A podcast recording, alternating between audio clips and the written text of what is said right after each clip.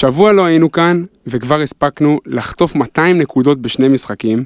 חבר פאנל אחד הספיק לגדול לו בשנה, מזל טוב מאיר. חבר פאנל שני חזר לפה עם שפם. טבוך, מה עובר עליך, בן אדם? ורק אני מזמזם בראשי פרסומת ישנה מהעבר. שתיים, זה תמיד ביחד.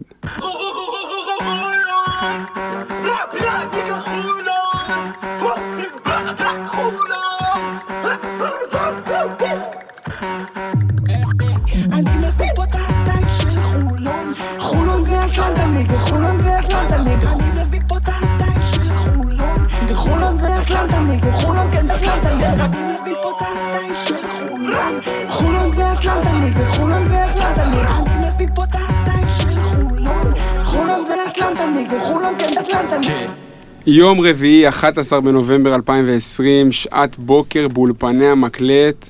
פודקאסט הכל סגול מגיע לפרק 11, פרק חגיגי במיוחד מכל כך הרבה בחינות.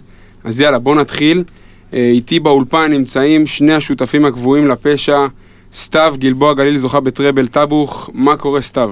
מעולה, מה איתך רוי? מה, מה שלום השפם שלך? תספר. אני לא מבין מה הבעיה שלך עם השפם שלי, גידלתי אותו לכבוד- לכבוד חודש נובמבר, ונראה לי אני אמשיך גם בדצמבר. טוב, אז uh, לכל, uh, לכל חבר'ה צריך, לי- צריך שיהיה את הדניאל זילברשטיין שלהם, uh, ואתה, ואתה פה עם השפם שלך, וכמובן, ילד היום הולדת, מאיר עובדיה, קודם כל הרבה מזל טוב, ותספר איך חגגת אתמול. אני לא רוצה לבאס, אבל אני חושב שמגיל מסוים כבר אה, מפסיקים לחגוג ביום הולדת, לצערי. אה, ועוד משהו קטן, אה, תגיד, זה. מה שאמרת על היום הולדת שלך, שבגיל מסוים מפסיקים לחגוג? אה, זה, באתי עם זה מהבית. אבל משהו מעניין, היום 11 ל-11, ואנחנו מקליטים את פרק 11. פש, איך, אני, איך אתה אוהב את המשחקי מספרים האלה, זה, זה משהו שאצלך, חולה על זה. אצלך תמיד. וכמו שהתרגשנו להכריז ברשתות החברתיות, עם הרבה הרבה הרבה מאוד הכנה מוקדמת ופלירטוטים לא מעטים כבר כמה חודשים, נמצאים איתנו היום שני אורחים מאוד מאוד נכבדים, שאנחנו מתרגשים שהם כאן. עורך הכדורסל הראשי של ערוץ הספורט, עופר ג'ובה גרוס, ג'ובה היקר, מה שלומך? שלום, מה העניינים? איזה כיף שאירחתם אותנו. איזה כיף שאתה. מתארח, באמת. חיכינו לזה הרבה. אבל איפה החביתות? זהו, אז אה, תכף נדבר על זה, כי זה פשלה לא שלנו, כי הייתה פה חלוקת תפקידים אני- מאוד מאוד אני מוגדרת. הכנתי חביתות בבוקר לילדים. עבד בסדר. אז, אז אה, חלוקת תפקידים פה, הייתה פה איזה בעיה, אה, וכמובן נמצא איתנו שדר ופרשן הכדורסל של הערוץ, האיש אה, כדורסל אירופי זה שמו השני, עודד הלפרין, מה שלומך ידידי? אני מצוין, באמת תודה שהזמנתם אותנו. יותר רציני מהפודקאסט שלנו, ג'ובה. כן, כן, בהרבה, כאילו, יותר. אנחנו נכנסים וזה, ופה יש הכנות, ומה, אז- היה אז- ישיבת lineup מוקדמת, יום לפני. שתי זה- ישיבות, כי יש ישיבה שלהם, ועוד ישיבה איתנו. ואז ישיבה איתנו. הרבה אם אם אני. חייב להיות מדויק, היה היה שלושה. היה שלוש, סליחה. שלוש ישיבות, כן. אז אה, ספר לנו קצת על אה, קצב הכנת הסנדוויצ'ים בבוקר, יש התקדמות? אה, היום הכנתי אחד במקום שניים, כי אחד נשאר, ב- יש לנו פציעה בבית. או. אנחנו ב-50 אחוז כוח, אוהדי הפועל חולון מכירים את זה מקרוב. אז אנחנו בפציעה, פציעה קשה את האמת, פציעה אתה שתשבית. מכין בבוקר עודד? אני מכין בבוקר. כל הכבוד. פציעה שתשבית אותנו מהמגרשים לפחות אה, בין שבועיים לחודש. וואו. כן, כן. אה, לא, אני לא יודע, אולי הוא יחזור לגן, אבל... אה, זה עדיין פחות מיוגב אוחיון. אה, הוא פשוט יותר צעיר, אז העצמות שלו מחלימות יותר מהר. כן, אבל יש פה צעירים שמתלוננים על זה שהם כבר לא חוגגים יום הולדת, אז אתה, אני? כבר לא יודע... אני בן 23. נו, מילא אני, אבל טוב, בסדר, נו, בסדר. טוב, אז קודם כל כיף גדול וכבוד עצום שאתם איתנו, הרבה מאוד נושאים היום על הפרק, אבל ככה לפני הכל אני, אני אתחיל, כמו שאמרתם, אתם נראה לכם רציניים מדי, אז נתחיל באיזה סיפור קצר, על איך ג'ובה שבר לי את הלב, מבלי שאנחנו אפילו מכירים. נו. עכשיו, מעניין. תשמע, ש- חשבתי על זה בלילה, ויש מצב שזה סיפור שלא ייחודי רק לי, אבל אני בכל זאת אספר אותו. זה היה בליל קיץ, סוף יולי, פרק 71 של פודקאסט ה-NBA, איזה דקה אבל. ב- באזור דקה 43 וצפונה. אתה נמצא עם עידו גור שם. אין, אני זוכר את זה כאילו זה היה אתמול. הוא מספר את הסיפור, האוריג'ין סטורי של הניקניים שלו, סיפור המקור של הכינוי ג'ובה. עכשיו בא בן אדם, שבשבילי הוא מסמל את הכדורסל במיטבו, רק הכדורסל, וגם עידו גור אמר את זה בשידור. ואז הוא מספר שזה בכלל כינוי מהענף הנחות, מהכדורגל. עכשיו, אני יושב, ב... יושב בחור תמים בחדר, שומע את הפרק של הפודקאסט, מרגיש משהו על הספקטרום שבין אכזבה עמוקה לשברון לב, ו- ו- ולא ידעתי מה לעשות עם עצמי. תגובתך ואיך אתה מעביר את הפיצויים. א', אני מבין, מבין אותך לגמרי. גדול, אני אוסר על רוב האנשים שאני עובד איתם לדבר על כדורגל. שמעתי את זה אצל יוסיפון, שהוא שאל אותך שאלה על כדורגל ואמרת, והאוזמן אמר שאני לא מרשה לדבר על כדורגל. תראה, אתה יכול להסתכל על זה ככה, קצת יותר חיובי. המקור מגיע מכדורגל, אבל זה רק הג'ובניני, שזה לא שרד. מה ששרד זה. ג'ובה, וג'ובה לא מגיע מהכדורגל. צריך להבין שכשאתה מגיע לעבוד בערוץ הספורט, אז זה לא מתחיל, אה, גם אם אתה ממש אוהב כדורסל, אתה לא מתחיל בכדורסל. אתה מתחיל לעבוד בערוץ הספורט, ואז אתה עושה הכל. אז בהתחלה אף אחד לא מי... כאילו מייעד אותך לאיזשהו תפקיד.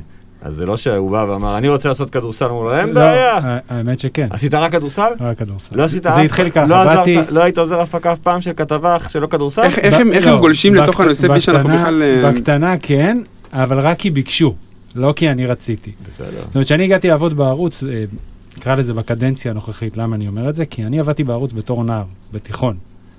עוד שהערוץ ממש בתחילת דרכו ישב אה, עם חברת ICP ברמת גן, הייתי ילד ארכיון כזה, עובר על קלטות, כותב כל מיני דברים. התגייסתי, עשיתי תואר ראשון, ואז הגעתי לראיון עבודה, בכלל להחליף תחקירנית שיצאה לחופשת לידה. זוכר את אמירה? ממחלקת... אז היא יצאה לחופשת לידה. היא חזרה. כן, ואז אני מגיע והייתה מפיקה ראשית בשם, אה, לא מפיקה ראשית, מפיקה של המחלקה בשם שביט. אני נכנס, מתיישב, היא אומרת לי נעים מאוד, היא מסתכלת על השם, והיא אומרת לי, אני מכירה אותך. אמרתי לה, כן, נכון, טח, טח, נזכרים, פותחת את החלון שלידה לאירה, אומרת, שימי אותו בכדורסל ואחר כך נראה. עד היום האחר כך נראה הזה עוד לא הגיע. טוב, אז אה, הרמתם לנו למחצה, כי זה בדיוק סוג של נושא שרצינו להיכנס אליו. לפני שנדבר רגע עליכם בפן המקצועי, בפן האישי, אנחנו באמת, קודם כל אמרנו שאנחנו שמחים שפיניתם זמן בעבורנו, וזה באמת לא מובן מאליו, אבל הקורונה, כמו שכולנו כבר יודעים, שיבשה את הסדר הטבעי של הכדורסל. הכל פה נראה אחרת לגמרי. חודש אוקטובר היה לנו כמעט עירום בלי משחקים, ופתאום פותחים את חודש אוקט... נובמבר על 200 קמ"ש עם יורוליג וליגת ווינר וגביע ווינר ובלקנית וליגה ישראלית לגביע המדינה? וגביע המדינה וכל כך הרבה מפעלים. ג'ובה, תספר לי איך, איך זה מרגיש לחזור לעומס הזה אחרי המון המון חודשים של, אה, של מדבר, בוא נגיד ככה. אני לא חושב שזה עומס, כי קודם כל כי היה את הוואקום הזה שלא היה, שלשמחתנו בזמן הזה היה NBA. אז ה-NBA החזיק את התקופה הזאת שאי אפשר היה בכלל לראות כדורסל פה בארץ, ואז התחיל הדיבור לקראת סוף ספטמבר שבראשון באוקטובר יורוליג באמת חוזר, ובצורה כזאת או אחרת הוא חזר, גם אם, אם יש לו בלאגן. אז הצלחנו להחזיק, ועכשיו חוזרים למסלול, אז יש באמת כמה שבועות מאוד עמוסים לכולם, אבל מכיוון שזה גם כיף, שיש, שיש בכלל עבודה, שיש בכלל ספורט, ואם יש משהו שלדעתי מאפיין את כל האנשים שעובדים בערוץ ספורט בשידורי כדורסל, מאפיין את כולם, אבל אני מוכן לחתום על אלה מהכדורסל, זה שכולם אוהבים כדורסל. אוהבים, אוהבים את המשחק, לא קשור לעבודה שלהם, לא קשור למה שהם עושים. אוהבים את המשחק, ולכן אתה בחיים לא תקבל תחושה ממישהו שזה עומס. זאת העבודה, זה גם כיף. בסוף, מה אתה עושה? תמיד זהו, הייתי בטוח שהתגעגעתם לזה. כששאלו אותי, כשהייתי עוזר הפקה, מה אתה עושה בערוץ הספורט? הייתי אומר להם, אני כל היום רואה טלוויזיה.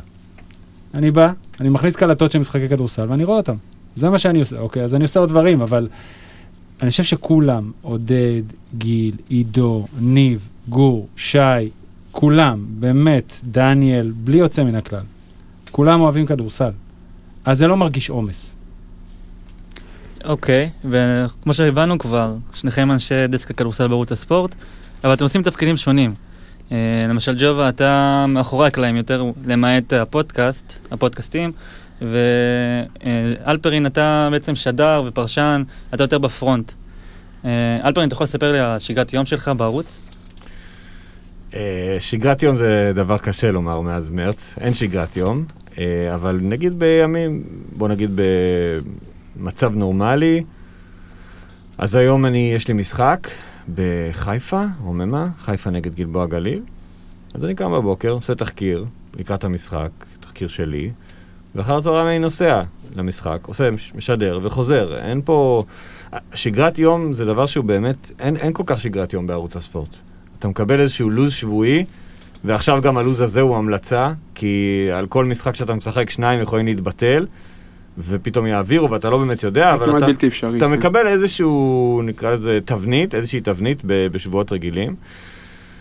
אמ, ורוב השבוע, בטח בשבועות אה, סבירים כמו השבוע הזה, אני, יש, יש לי ארבעה משחקי כדורסל, שלושה מהם בישראל. הייתי בגנר, הייתי בנס ציונה, אני נוסע לרוממה, היית בספרד אתמול? הייתי בספרד, אה, דרך הקרוון ב- ב- ב- בחנייה. אה, היה גם פוטבול, לא? יום ראשון. לא, לא, שבוע לא פוטבול? שבוע, הייתי בגנר. יום אה, ראשון הייתי נכון, בגנר, נכון. אז לא יכולתי. אה, אז השגרה שלי היא באמת, אה, היא לא שגרתית, ובגלל זה אני חושב שאפשר לשרוד במקום הזה כל כך הרבה זמן. כי אני כבר עובד בערוץ הספורט, השבוע חגגתי 14 שנה. ו... ואחד הדברים שמחזיקים אותך זה שלא משעמם לך. מעבר לזה שאתה מתעסק בכדורסל, שאתה אוהב והכל, אתה כל שבוע מגיע ונגלה בפניך איזשהו משהו חדש. כי אתה לא באמת יודע מה תעשה. יש, יש כל מיני דברים, ומחלקים ביניכם, וגם בגלל שאתה עושה שידורים ישירים, אז כל משחק אתה, משהו יכול לקרות.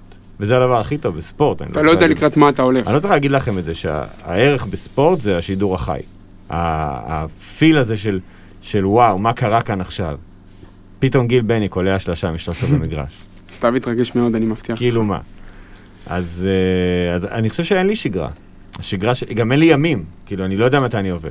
אני יכול לעבוד ביום ראשון, שני, שישי ושבת. ואני יכול גם לעבוד, כאילו, אז זה באמת, אה, השגרה שלי היא, היא לא שגרתית, וטוב שכך. אני באמת חושב שזאת עבודת החלומות של כל אחד בפוד הזה. אה, אנחנו ממש מקנאים בכם. אתה ספציפית רק לש- רק לשדר בגנר, לקום בבוקר, לשדר בגנר, לחזור הביתה. אתה יכול לעבור. לגנר, זה נראה לי קיבוץ או יישוב. קהילתי שסופח. איזה כיף בגנר לבוא, אחד המקומות הכיפים. כאילו, חוץ מהנסיעה. חוץ מכביש 65, הכל טוב שם. כן. אבל העניין של עבודת חלומות, זה עניין, כי אני עובד 14 שנה בערוץ הספורט, ולקח לי שמונה שנים להגיע למסך. כאילו, עשיתי המון תפקידים מסביב, לפני שבכלל נתנו לי את ההזדמנות. ככה המערכת עובדת, לא? מבחינת ערוץ הספורט. זה מעטים- חלק ממנה, מעטים לא- האנשים שמגיעים לפרונט ישר. תלוי, תלוי, אם, לא. באת נגיד, אה, אם יש לך איזושהי נקודת פתיחה ובאת מגלי צה"ל או באת ממערכת תקשורת אחרת, אז יותר קל לך. אם אתה מישהו שגדל גודל בתוך המערכת, ואני לא מאשים אף אחד, כן, אני הגעתי עם אפס ניסיון ואפס, פשוט באתי והתחלתי להיות תחקירן, אז אף אחד לא, לא הבטיח לי שאני אקבל את המקום. אבל הדרך הזו לשם, בעבודת החלומות הזו, היא, יש בה, יש בה עבודה. כאילו זה לא... אין ספק. זה, זה לוקח הרבה זמן, וגם עכשיו, בתוך החלום הזה, אז יש דברים בדרך, כאילו, גם לנסוע לגן נר זה לא תמיד התענוג הכי גדול. יש בזה עניין, אבל אני מניח שלעומת דברים אחרים שאנשים עושים, אפשר לקטלג את זה כעבודת חלומות. אתה, אתה אמרת בתחילת ה pod שאתה היית עושה פעם עבודות יותר שחורות נקרא לזה, היום אתה רק משדר משחקים? היום אני, כמ- כן, אה, שוב, אני. טרום הקורונה כן. מדי פעם כותב איזה טור. כן, לא, יושב. בחדשות, אה, פודקאסטים, יושב באולפנים אם צריך, אה, כל מיני אולפנים מקדימים, אולפני אחרי, אבל אני, העבודה שלי מוגדרת כשדר, וזה זה מה שאני עושה ב-99% מהזמן. טוב, אני, יש לי משהו להגיד. מה עם ג'ובה? לא שמענו את ג'ובה. תזכיר לי מה הייתה השאלה? אה, מה שגרת היום? שלך, אנחנו לא רואים אותך במסך. השגרה שלי היא, היא לא, ש... בזה עודד צודק, זה משותף לשנינו, היא לא שגרתית. ההבדל הוא זה שאני חייב להסתכל קדימה כל הזמן. עודד, ואני מניח גם כל שדר שהוא קם בבוקר, הוא מתכונן לשידור שלו באותו יום. אני חייב להסתכל שבוע קדימה וכמה ימים קדימה. זאת אומרת, ביום ראשון שהשבוע שלי מתחיל ויש לי שידור כדורסל, אני לא יכול רק להכין אותו. הוא, דרך אגב, מוכן בדרך כלל יום לפני.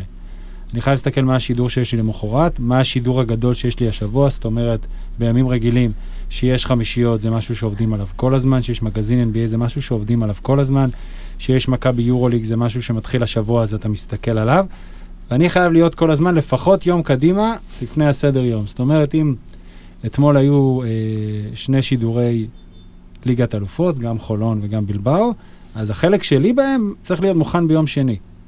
אם יום חמישי מחר מכבי תל אביב משחקת ביורוליג, החלק שלי, המסיבי, של הלפני, כי יש גם תוך כדי, הוא כבר מוכן, הוא נשלח, כי עובד עוזר הפקה שצריך למצוא חומרים, עובד תחקירן שמכין את, הגרף, את כל הנתונים ה...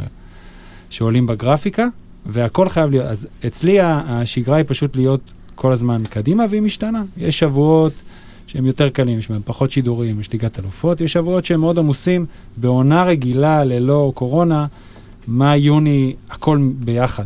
כדורסל, יורוליג, NBA, הכל מגיע להכרעות, אז, אז יש יותר עומס של הכנה.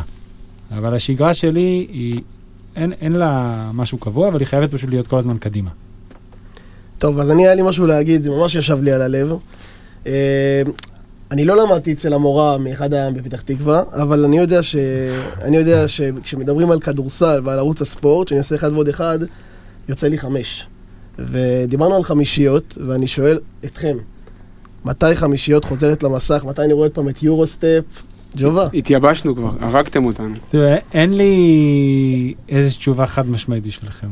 כרגע יש החלטה של הערוץ לגבי לוח השידורים שלו והעבודה שלו בעידן הזה שאנחנו נמצאים, ועם כל זה שאנחנו מנסים להרגיש שגרה, ובהרבה מקרים, בטח שאתה חי בעולם הספורט, אתה מרגיש יותר שגרה ממקומות אחרים, כי גם אם אתה, לצורך העניין, בחל"ת, עדיין הקבוצה שלך משחקת בערב. אז, אז לפחות זה נראה לך טבעי והגיוני ונהדר.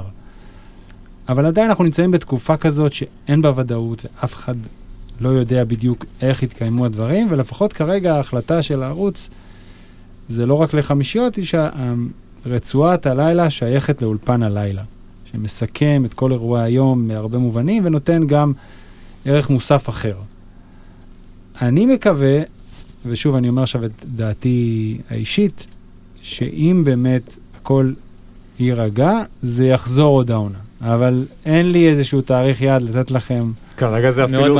כרגע אפילו בטכני, אנחנו מחולקים לשתי קפסולות. נכון. הקפסולה שלנו עובדת ראשון, שני, חמישי וש... כאילו, מי זה שלנו? אני וג'ובה, אה, עידו... אם לא הייתם באותה קפסולה, לא לא הייתם יכולים לא. להגיע לפה עכשיו. לא. לא. אנחנו לא יכולים להיפגש עם החלק השני. רגע, עם מי לא נפגשתם כבר כמה חודשים, בוא נגיד ככה. גיל, וואו. גיל ברק, לא ראינו אותו שמונה חודשים. למעשה. וואו. כאילו, ראינו, אפשר לה... לא, את האמת שלא, אפ- אפילו את זה, נגיד... אה, לא, אצ- אצלי זה קצת אחרת, כי כשאני עורך שידורים אתה כאילו ונמצא משדר איתו ב control, באוזן. אה, והוא נמצא במגרש, אבל עדיין אנחנו מדברים. אז אני, ואני רואה אותו מולי שהוא מדבר איתי, אז, אז זה מחפה על זה קצת. אבל נגיד עד החזרה לשגרה הקודמת, אה, ממרץ עד אוגוסט לא ראיתי לא את האוזמן ולא את גור, שזה אנשים שטלפונית אני בקשר יומיומי איתם. אז בקיצור, אנחנו לא יכולים לעבוד ביום שלישי. וואו. אז כאילו, גם אם היו רוצים להחזיר את חמישיות, כרגע זה לא היום, כי ביום שלישי זה יום של ליגת אלופות, אז כאילו כווננו את הקפסולות שהשלישי-רביעי יהיה יותר כדורגל, וראשון, שני, חמישי, שישי יותר כדורסל. אז אני מניח שהשלב הראשון להחזרת זה המגזינים, ביטול הקפסולות. זה ביטול הקפסולות. כרגע, לפי גורמים שאני מדבר איתם, זה לא על הפרק. אז, אתה יודע, זה, אני מקווה שזה, יק- ברגע שבאמת, אנחנו מקווים שזה יקרה.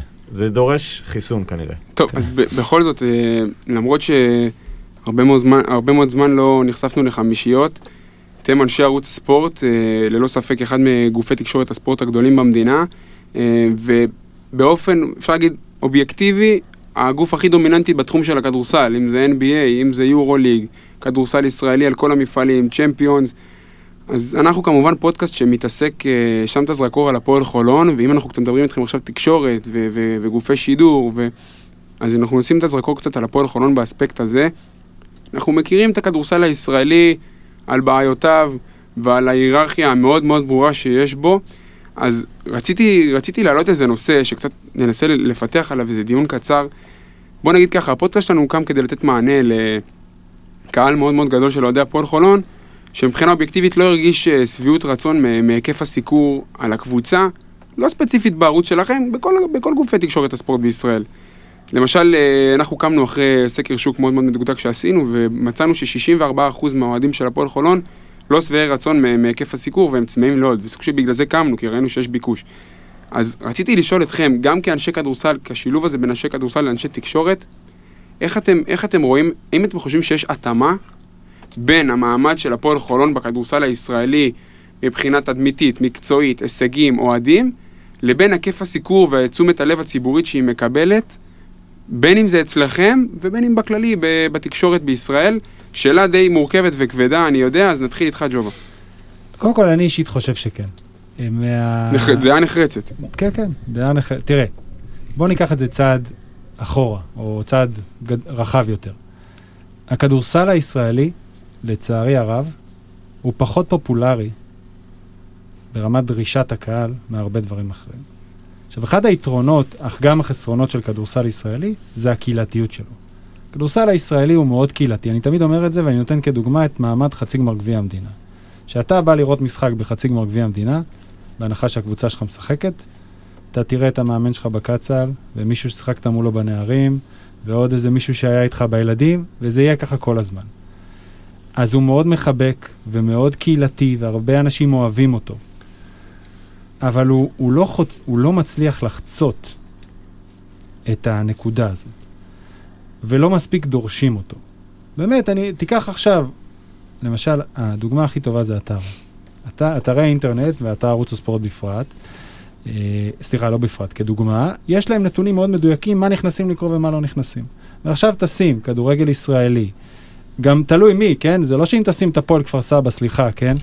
עכשיו ייכנסו לידיעות מאות אנשים, אבל תשים ידיעות של קבוצות מרכזיות, שוות ערך להפועל חולון, בסדר גודל, של כדורגל ישראלי וכדורסל מכבי ישראלי. נתניה נגיד. נגיד. לא, אני חושב יותר אפילו לכיוון... הפועל תל אביב. הפ- הפועל ביתר מכבי. נכון. אם חולון כרגע היא מספר 3, נראה לי שזה היה בין 3 ל-4 יחד עם ראשון לציון, אז 3-4 בישראל כרגע זה ביתר, באר שבע. משהו כזה, כן. אולי באר שבע זו דוגמה טובה. נכון, יפה. אז אני, אז אני חושב שהיא יותר התעניינות, זה אחד. למה עוד אני לא מסכים לזה שהיא לא מקבלת? כי תראה, בערוץ הספורט, אוקיי, אחד הדברים הגם טובים בכדורסל זה שיש שיתוף פעולה של הקבוצות עם התקשורת. יותר קל לסקר קבוצות כדורסל ברמת האורחים ומרואיינים מאשר ענף הכדורגל. ולכן בתוכניות כמו מגרש פתוח, כמו חמש באוויר תוכנית הרדיו, חדשות הספורט, בטח חמישיות וגם שהיו תוכניות אחרות, נורא כיף להם ונורא טוב להם לסקר כדורסל. ואם תסתכל מאז שיש מגרש פתוח וגם שהייתה תוכנית הבוקר ויש עוד פלטפורמות, תראה כמה מרואייני כדורסל זה? ודיוני כדורסל יש לך ביום. ביום שהפועל חולון משחקת, החלק הארי, ולא ראיתי אתמול מגרש פתוח, אבל אני מניח שיהיה חלק לא קטן שיתכונן לקראת המשחק. זה לא, אם זה לא אינדיקציה לזה שהקבוצה והמפעל חשובים, מה עוד אפשר לבקש? מה, מה בעצם ה... בסקר שעשיתם, זו, זו שאלה מה, מה הפריע להם. האם הפריע להם שחולון לא מסוכרת מספיק, או שיש קבוצות אחרות בכדורסל הישראלי שמסוכרות יותר. לא, זה לא, זה לא הייתה שאלה שמנוסחת בצורה לעומתית לקבוצות אחרות. אז אני, אבל אני חושב שאם אתה... אבל אני מניח שהתשובה די ברורה מטעמים אובייקטיביים. רוב אוהדי הכדורסל בארץ באים באותה טענה, מכבי תל אביב מקבלת אובר סיקור, ושאר הקבוצות בכדורסל הישראלי אה, מקבלות סיקור, אה, לא יודע, מינימלי או בהתאם פחות. למטרותיהם. אבל הכסף מדבר, מה לעשות? אני לא חושב שזה עניין של כסף. כמו שג'ובה אמר על ידיעה באתר על כדורגל ישראלי, ו- ואנחנו לא חייבים לאהוב את זה, אבל זאת המציאות.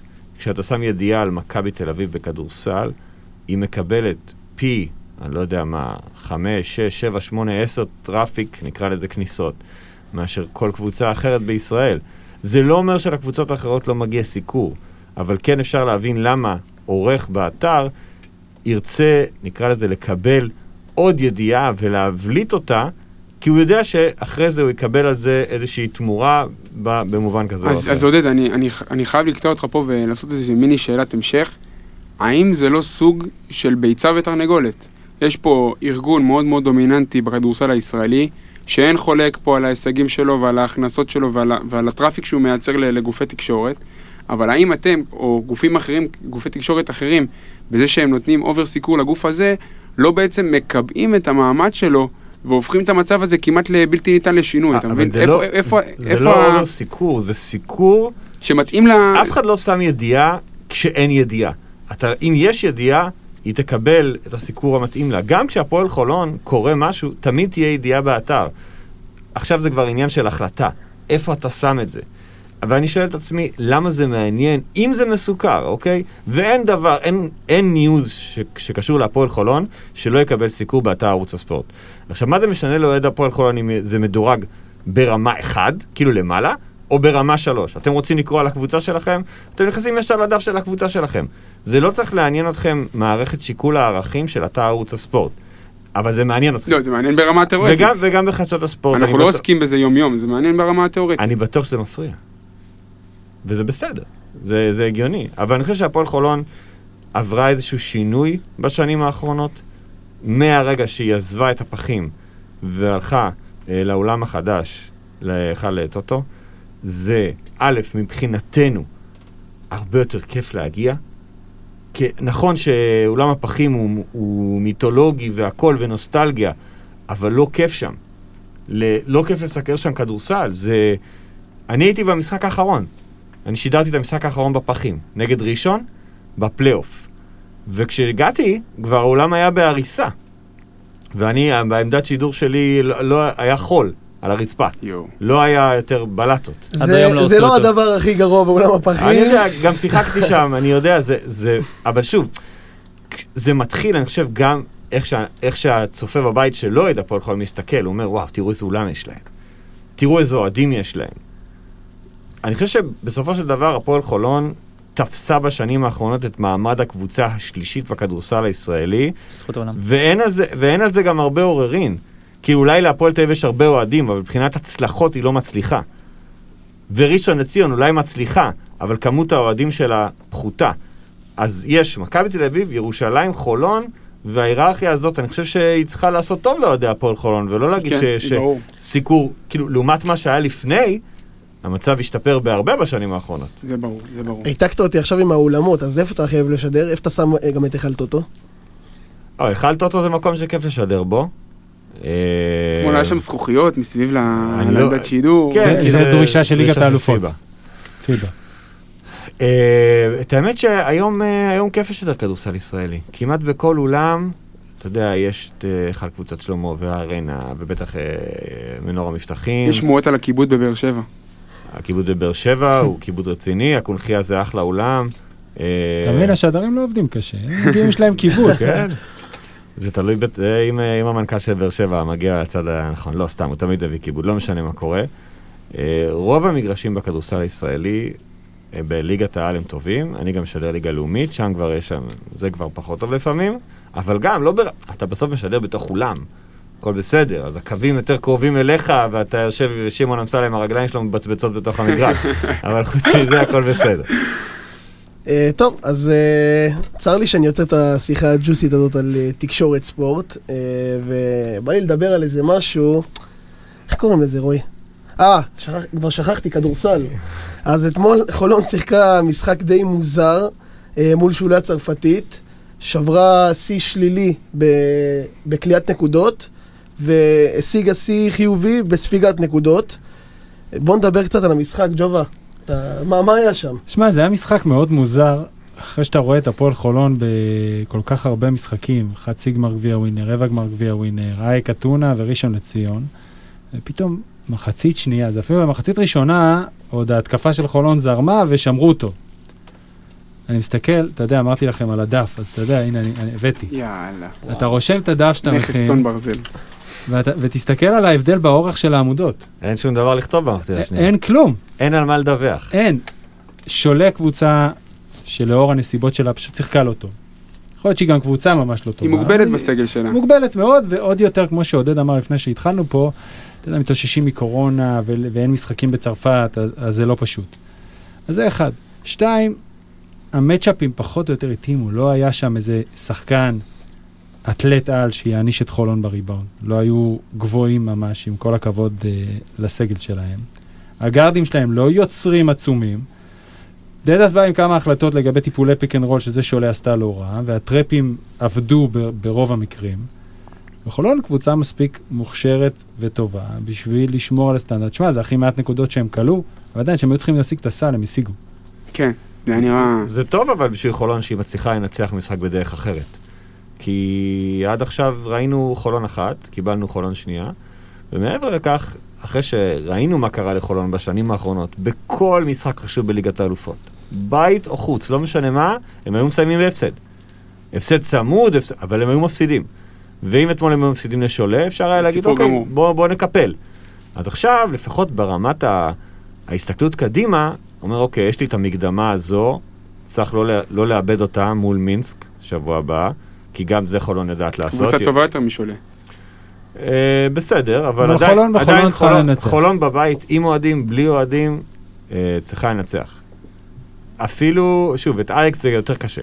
אבל היא לא צריכה להתחרות עם אייק. היא אומרת, אני בבית משולש, אני צריכה לנצח שלוש פעמים מתוך ארבע, ואני עולה לשלב הבא ב- 95%. ב- בוודאות די מוחלטת. אז קודם כל, ברמת הצעד הזה, הצעד קדימה, שהיא מצליחה לנצח, וגם במשחק בינוני של מגי, שזה אולי... גרוע מאוד. אוקיי, אז אתם, אתם יותר, אה, אתם אוהדי הפועל חולון, אתם יכולים להגיד את זה. אני אומר, אוקיי, הוא לא היה טוב אתמול, ועדיין חולון ניצחה. כשהסתכלת על הסגל בתחילת העונה, אמרת, איך הם מנצחים בלי מגי? ובא סי.ג'יי הריס ונתן הצגה, ו... ולאט לאט, ככל שהזמן עובר, באמת, זה 1-2 בינגו בגארדים של חולון. ידענו לפני, אני לא חושב שהבנו כמה סי.ג'יי הריס טוב. זה חתיכת הימור של דדס. זה חתיכת הימור. לא, אבל סי.ג'יי הריס, אתה יודע, יש לו, הרזומה שלו מדבר בש... בשם עצמו. ב-19-20 הוא לא עשה כלום. בסדר. 19-20 אף אחד לא- ב-18-19 הייתה לו אחלה עונה. 19-20 היא עונה שאפשר למחוק אותה. בגדול, כן? ברמת ההסתכלות. אבל אני אומר, אני מתחיל קד... קד... קדנציה של שחקן במכללה. היית בווייק פורסט?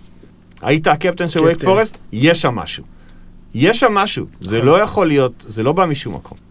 והשקט שלו, והשקט שהוא גם מחדיר בכל הקבוצה, והעובדה שאתה יודע שנגיד בדקות הסיום יש לך מישהו לשים על הקו, וזה מדהים, ואתה רואה, הוא לא מחטיא מקו העונשין. הוא עשה את זה. כבר פעמיים העונה, נכון. ניצח משחקים דרך כן, העונשין. אז אתה אומר, אז יש על מי לסמוך גם שטיירוס מגיל לא טוב. כן, וחולון חייבים להיות מרוצים מניצחון, כי כולם זוכרים את העונה שעברה, שלפחות באירופה, בשורת התוצאות הבעיה הייתה המשחקים הצמודים. חולון, מהמחזור הראשון מול טורק טלקום פה, עם ההחטאה של יוגב, שיחקה מצוין במשחק. מגיעים לכדור אחרון, ויוגב אחרון מסתבך עם איזו זריקה, שהוא, אני מתאר לעצמי שהוא בטוח שהוא יקלע אותה, אבל לא הייתה זריקה מספיק טובה. עד המהלך של פוסטר במשחק האחרון שעלה בעלייה.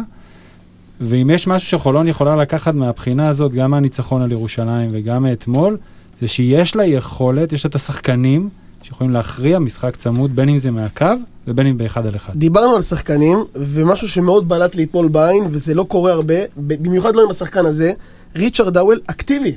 איזה הוא אקטיבי. זה. שנות- זה שנות אור משנה שעברה. פתח את העונה מצוין. שנה שעברה אתה רואה את ריצ'רד האוול, אתה רואה את שפת הגוף שלו. הוא כאילו, לא, לא הכי בא לו לשחק. הוא פה כי אין לו קבוצה יותר טובה להיות בה, לא יודע, לא בשביל יודע מה עובר ה-5,000 בראש. דולר בחודש. אה. אבל- אבל הוא, הוא באמת אקטיבי, הוא כיף לו לשחק. לא ניכנס לראש של ריצ'רד האוול, כי אני לא בטוח שנוכל לצאת ממנו.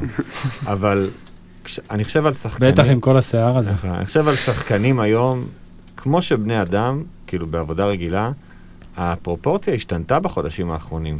אתה אומר, וואו, איזה כיף לי, אני יכול לשחק כדורסל. כאילו, אני מקבל על זה גם כסף, זאת העבודה שלי, יש לי עבודה מובטחת, אני נהנה ממה שאני עושה. ובוא נגיד על ריצ'רד האוול, שיש לו מקום מאוד מאוד מכובד בקבוצה הזו, כי למעשה הוא הסנטר היחיד. אז הוא גם יודע שיש לו דקות משחק מובטחות. לא ברבע הרביעי. בסדר, לא משנה כרגע. הוא, הוא, אני, אתה רואה שהוא בא, בש, הוא כרגע משחק בשביל הקבוצה, ולא נגד הקבוצה. נכון. וגם אם אתה חוזר שנה שעברה לריב, לריב המתוקשר שלו עם דדס, אז כל הסיפור הזה, אתה יודע, נעלם. לא שומעים, באופן כללי, פתיחת עונה מאוד רגועה של הפועל חולון. כן. ברמה הב- הבין אישית, נראה ש, שזה הולך שם בסדר. גם מנצחים, מבני מה זה- שהיה, זה כאילו לא שקט. כן, כן, נראה, שוב, כשמנצחים ונראים טוב זה קל, או קל יותר. אבל לא- הם הפסידו פה- הפסידו פעמיים כבר. נכון, זה אבל- לא שהם רק מנצחים. אבל אני, גם ההפסד לאייק היה סוג של, ניצחון. סמי ניצחון ברמת וראשון? היכולת. ראשון היה לא טוב, ולכן אם היו מפסידים אתמול, זה כבר היה סוג של משבר. או לא יודע משבר, אבל תקופה פחות טובה, ואז כבר יש, יש גלבוע בשבת, לא משנה, ואז משחק חשוב, ואז זה כבר יכול להיות כדור שלג. אבל ניצחת, עצרת את, ה, את הבלגן, אתה מסתכל קדימה, כאילו. טוב, אז לפני שנעבור לנתח טיפה לתוך הבוקסקור של המשחק, להבין מה קרה שם, שאלה כללית שאני רוצה להפנות אליכם, ג'ון סטוקטון בן 60 כמעט, הוא ומייקל הבן שלו באחד על אחד, מי מנצח? ג'ון, ברור, שאלה. ו- א', ב'. עם הזריקה שלו בצד שמאל שהוא... שהוא... לא, כי הוא ייתן לו לוז ואז הוא יתפור אותו. שמע, ג'ון שיחק עד גיל 41, לא נראה לי תהיה לו בעיה לשחק בגיל 58. טוב, אז אה, אצלכם יש את פרופסור אלפרין, לנו יש את אה, סתיו טבוך על הנתונים. סתיו, קח אותי קצת לבוקסקור, תן לי איזה כמה דברים אה, מאוד מאוד יפים שראית אתמול, או דברים ש... אני לא עברתי על. הבוקסקור רק כי זה הסגמנט שלך. אמרתי, אני בא אה, זה להקשיב. כבוד. האורחים ממושמעים זה תמיד טוב. איזה יופי. טוב, אז כמעט כהרגלנו, קלענו טוב לשתיים. זה מפתיע, כי אנחנו קבוצה קטנה, אבל קלענו 60% לשתיים, כמעט כמו כל משחק, 20 ל-33, שתיים זה תמיד ביחד. בדיוק. אה, מחוץ לקשת היה לנו ערב פחות טוב, 7 מ-23, שזה 30 אחוז נקודה 4 אם נדייק. ובריבאונד הבסנו אותם, שזה מפתיע. באירופה אנחנו מנצחים בריבאונד, זה לא קורה כל יום. באמת נתקלנו בקבוצה מאוד חלשה, לפי דעתי. קיוון דבנפורט היה לא דומה לכלום שם. שמע, יש להם אה, סגל שלא מתאים ל-2020.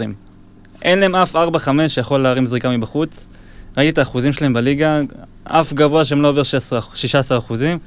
זה לא מתאים לכדורסל של היום לפי דעתי. אה, מבחינה אישית, אתמול ראינו את ג'ונסון עוד פעם מוביל בפלוס מינוס, זה קורה כמעט כל משחק, זה... כשרואים משהו עקבי בפלוס מינוס, אני חושב, ש... חושב שאפשר לייחס לזה חשיבות.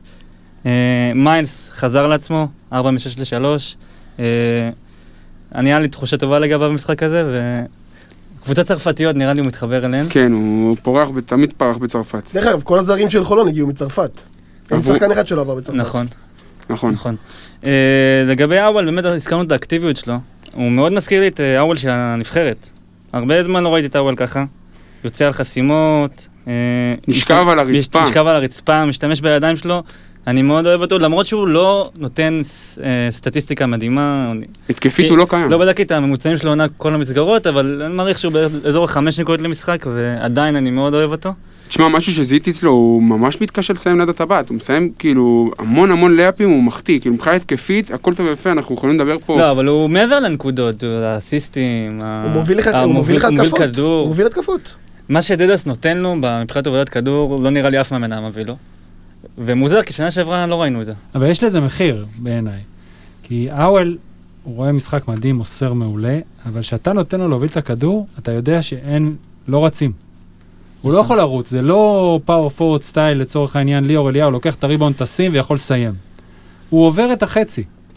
ואז אתה גם לא רץ, וגם אתה לא נכנס במשחק מעבר, שזה אחלה, שהוא יודע ולהוריד את הלחץ, ובסיטואציה של עכשיו, שבעצם מגיע, בטח שאריס עם קצת עם פציעה, הוא המוביל כדור המרכזי ולוחצים אותו, ובגלל זה גם קשה לו, אז שיש לך מישהו שכך ייקח את זה, ויוריד את ה-.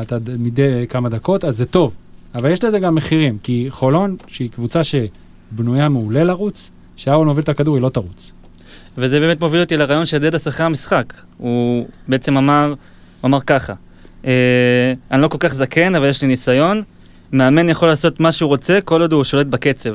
ואתמול הוא גם אמר בין, ה- בין השורות שהוא רצה להוריד את הכמות פוזיישנים במשחק, כדי גם אה, לספוג פחות, פחות נקודות. אנחנו נגיע להגנה שלנו במשחקים הקודמים, אה, וזה גם, אה, כשהאוול מוביל כדור זה אחת הסיבות לדבוק בשיטת משחק הזאתי.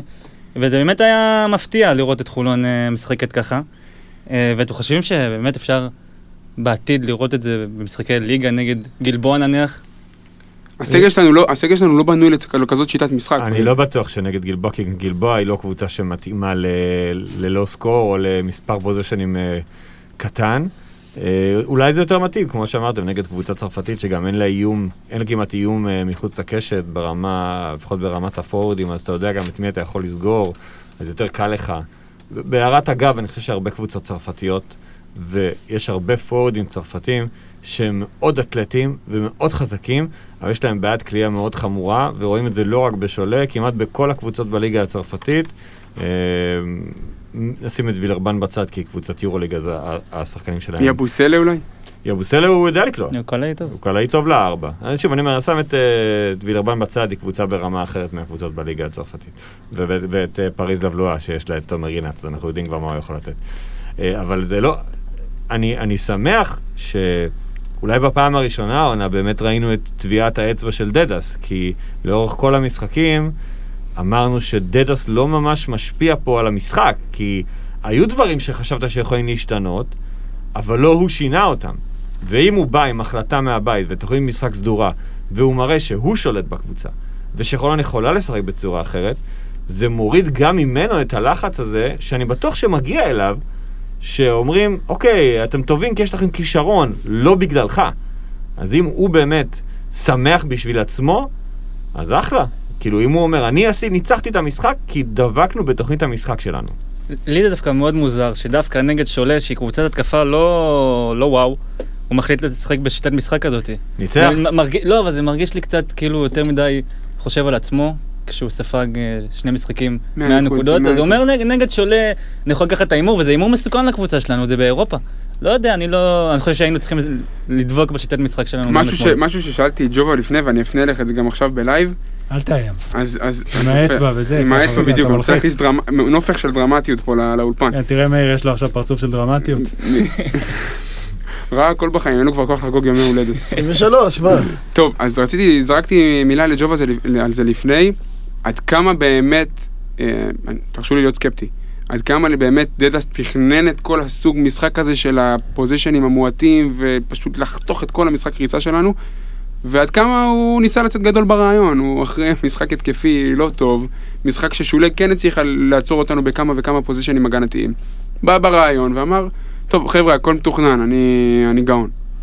תראה, אני, אני לא יודע אם הוא הקדיש מחשבה לרעיון, כי עד היום ברעיונות שראיתי של דדס הם לא נראו כמו כאלה שחושבים עליהם. בדיוק. יותר אמוציונליים, כי זה האיש כנראה, אבל לא שווה להיכנס לניתוח של הזה. בסוף, אתה גם מסתכל, מחצית ראשונה חולון קולט 41 נקודות, מחצית שנייה 36. ואמרתי, הרבע השלישי, זה נראה שהייתה פה איזושהי, היה רעיון, אני לא יודע אם החלטה. לא יודע אם בא אמר להם, אל תרוץ, כי, כי זה באמת מיותר. אבל ראית את זה, ראית את הרבע השלישי, וראית שהקבוצה עומדת. אז אני כן חושב, ש, אה, ונאמר פה, ש, שזה משהו שראו, וזו החלטה שנלקחה. וברגע גם שאתה רואה שזה עובד, אם גם יש את כל הערך המוסף, כמו שעודד אמר, שדדס מבסוט, ואם גם יכול להיות שאתה מוכיח לקבוצה עצמה, לשחקנים, שהם יכולים לנצח בעוד דרך, והנה עוד משחק שחולון ניצחה בלי יום גדול מהשלוש, אז אחלה. אבל אני חושב שהוא בא עם איזושהי החלטה שזו הדרך שהמשחק הזה ינסה ללכת בה. אה, עודד, שאלה לי אליך, אתה אתמול שידרת את המשחק של אה, בלבאו ובמברג. ב- בתכנון המקורי הם היו, היו אמורות להיות חלק מהבית אה, של חולון הראשון, המורחב יותר. כן. עכשיו, אם זה כן היה קורה, אתה חושב שחולון הייתה יכולה למכור משהו, חולון הנוכחית, למכור משהו נגד אה, אחת מהקבוצות האלה? בכללי, בבית הזה של השמונה. אה, זו שאלה מאוד תיאורטית, אבל אה, לפחות עכשיו בלבאו נראית אה, רע מאוד. לא ניצחה משחק מאז השלושה באוקטובר, זה כבר כמעט חודש, חודש וחצי של כדורסל. לא נראית טוב, במברג נראית בסדר. במברג מפתיעה אותי אפילו, למרות שהפסידה בליגה אה, להמבורג, אני חושב, ביום, אה, בשבוע שעבר, זה הפסד לא, לא מוסבר. אני חושב שקשה לדבר על מה היה אם, גם זה לא, לא, לא, לא בהכרח נכון, כי אם באמת מסתכלים קדימה. אה, אני, אבל ראינו בשנים האחרונות שהיא, שהיא התקשתה בבתים הגדולים, שתמיד היא הייתה על הסף. אה, אני לא חושב שהיא יותר טובה בהרבה מהשנים האחרונות, אבל היא כן מתחילה את העונה הזו יותר יציבה, יותר רגועה בבחירות הזרים שלה אחרי השנה שעברה שהייתה מזעזעת. כי אתה אומר, יש לי ארבעה זרים, שטפו טפו טפו, אם אין פה פציעה, אני הולך איתם. אני לא מתק... כאילו, אין פה אף אחד, אתה גם יודע מה הם יביאו. וזה נותן שקט גם ברמה הכלכלית. נותן הרבה שקט, כן. היא חסר... אני... אפשר להתחיל לדבר על מה חסר, או שאנחנו עוד לא אז שם? אנחנו בדיוק, אז אתה בדיוק מרים לי להנחתה, אוקיי. בדיוק מרים לי להנחתה, שאנחנו סיכמנו את המשחק אתמול מול שולה, שהיה משחק די מוזר, אבל בוא רגע נצא מהמיקרו למקרו, אה, ונדבר בכללי, באופן כללי, תובנות על הסגל, שיטת המשחק. אה, בפרק שלכם של speak and roll, עודד אה, דיבר על סוג של אופוריה. כאילו, אחרי כמה ניצחונות רצופים שהיינו בהם, ובאמת, כאוהדים, אנחנו ישבנו פה באולפן, ואתה היית צריך לראות פה את החיוכים, ושמפניות פה פותחים פה בחצר, על. מה, על הבלקנית? על אה, גלבוע וירושלים אחד אחרי שני, איזה. שמפניות. לא היה. גלבוע לא היה. וירושלים אחד אחרי שני, ובלקנית לא שהיינו... למדתם עדיין שגביע ווינר אסור לחגוג אחריו? לא יודע, כל כך הרבה קבוצות חגגו וראית מה קרה להם? תראה, אחרי שבע שנים, אה, אני נכון, חושב שמותר קצת לחייך. אין בעיה. אבל אתם, אתה יודע, ברמה המקצועית אתה אומר לעצמך, אוקיי, זה גביע ווינר, זה חשוב, ניצחנו את ירושלים, ניצחנו את גלבוע, שתי קבוצות טובות, אבל זה לא אומר שום דבר באמת. אז אז כמו שאמרת, בוא נסתכל קדימה, איפה אתה רואה, מה התקרה הריאלית של הסגל הזה, הנוכחי, במצב בריאותי סביר? מה, לאן אנחנו יכולים להגיע להערכתך המקצועית? אמרת שאתה לא אוהב להסתכל מה היה אם, בוא נסתכל קדימה. מה יהיה אם? כרגע, יהיה? כמו בשנה שעברה, חולון היא בטופ חמש של הליגה. מכבי, ירושלים, ראשון, גלבוע גליל והפועל חולון. אחרי זה אה, יש ירידה די משמעותית, אני חושב, ברמה. אה, לפחות כרגע, ממה שאנחנו ראינו בשבועות הראשונים של העונה, גם של הבלקנית וגם של הליגה שלנו. אה, ואנחנו יודעים מה הבעיות של חולון.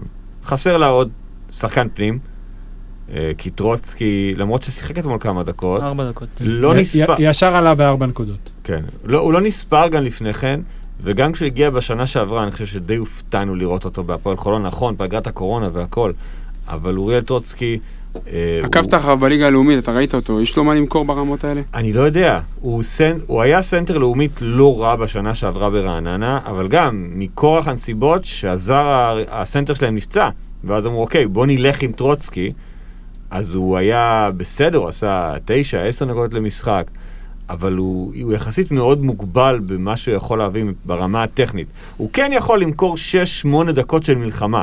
ימכור אותם, הוא גם דרום אמריקאי, אתם יודעים מה לקבל ממנו, זה יהיה בסדר. לואיס קולה לא נהנה שהוא שמר עליו. אבל זה, זה לא מספיק אם קורה משהו אמיתי לריצ'רד האוול. וכל העונה הזו, הסתכלו עליה באיך שומרים על ריצ'רד האוול בריא. כי מיילס הוא לא חמש, הוא אומנם יכול לשחק חמש. לצטט את יעקב מאיר, הוא בקושי ארבע. אוקיי, אז הוא ארבע, שלוש וחצי, ארבע, ארבע וחצי עם כליאה. הוא לא פיזי באמת ברמת ההגנה, וגם האוול יש את בעיותיו ההגנתיות, אבל אני אומר, אבל האוול אתה יודע מה יש שם. מה קורה עם מן האוול? מה אז? זה החור בעצם. בין האוול לטרוצקי. לכל השאר, בשנה שעברה הייתה את בעיית האחד. אין בעיה באחד. יש ארבעה אחדים. אם ברנדווין ויוגב אוחיון חוזרים, ארבע אופציות לגארד שמוביל כדור, ואתה, ואתה חי עם זה בשלום.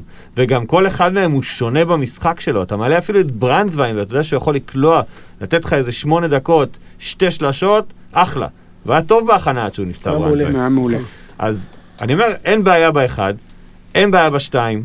גם השלוש נראה בסדר עם ג'ונסון, נגיד פניני ווורקמן שיכולים לשחק מסביב. מונמי פרדי.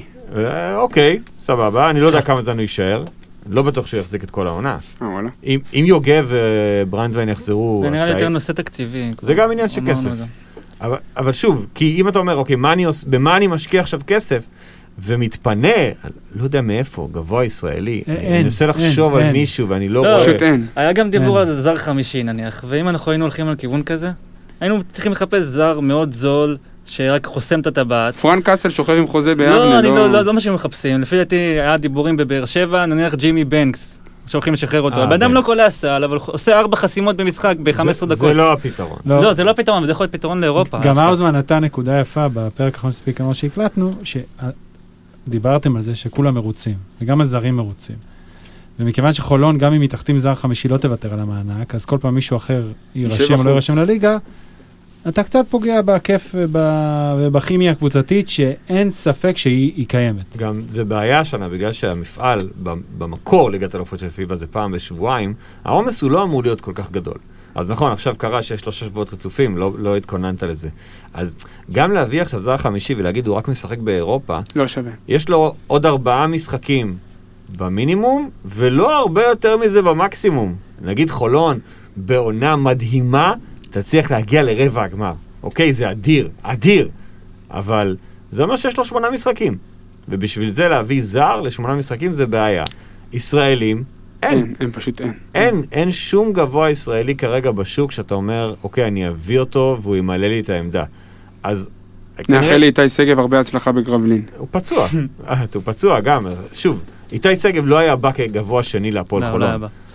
אז את, ה- הבעיה היא בעיה של חולון, וכמעט לכל קבוצה ישראלית היום יש בעיה בסגל, יש איזשהו חור, אז זה החור של חולון, והיא תצטרך ללמוד לשחק איתו ומסביבו, וגם אני חושב שאנחנו נראה הרבה הרכבים נמוכים בליגה, אפילו ברמת הוורקמן 5. ראינו את זה, ראינו את זה, אנחנו נראה את זה עוד פעם. ירושלים. נראה את זה הרבה.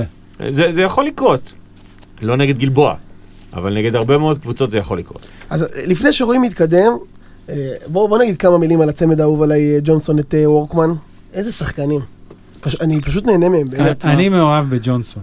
ג'ונסון, מעבר לזה שאתה רואה שהוא קלאסה של בחור, ואתה רואה שהוא נותן 700 אחוז. זאת אומרת, כולם משקיעים, זה ברור, אבל אצלו, מעבר לזה שהוא משקיע גם, שהתארח מודי מאור ב speak and roll, זה פרק- סיפר- פרק אגדי, פרק אגדי. אז הוא סיפר סיפור שהתחיל ככה. הם היו בליגת הקיץ, ופתאום הוא רואה איזה שחקן. עכשיו ליגת הקיץ אתה משחק בשביל עצמך, כי אתה רוצה לקבל חוזה, שקופץ לכל כדור אבוד, שיוצא לכל close-out, שעובר בחסימות בכוח, והוא אמר, כזה אני רוצה בקבוצה, והוא סיפר, ולימים זה היה קריס ג'ונסון שהגיע לירושלים. אתה רואה את זה. מה ההבדל למשל בין השניים שהזכרת? גם וורקמן נותן, סליחה על הביטוי, נותן את התחת ורץ. קריס ג'ונסון חכם. כל כך חכם. היה possession נגד אייק. שהם תקפו, ימ... שאייק תקפו ימינה, אני חושב שזה אוקיי. מחצית שנייה, שהוא שמר על חמישה שחקנים שונים. שמר על שלו, הלך לעזור, חזר, היה חילוף משולש, עבר לעוד שחקן, יצא בפיק אנד רול. זה פשוט מדהים. הוא שומר נהדר בפוסט-אפים. הוא מגיע לעזרות, הוא מכוון את השחקנים, ובהתקפה, כאילו, אני מתאר שחקן שכאילו אה, יש לו רק הגנה. עזוב את זה שהוא קולע שלושות מהפינה. התנועה שלו ללא כדור, אין משחק אין. שאין סל שהוא לא חותך ואופנינג יואל נותנים לו ללאט. אין דבר כזה.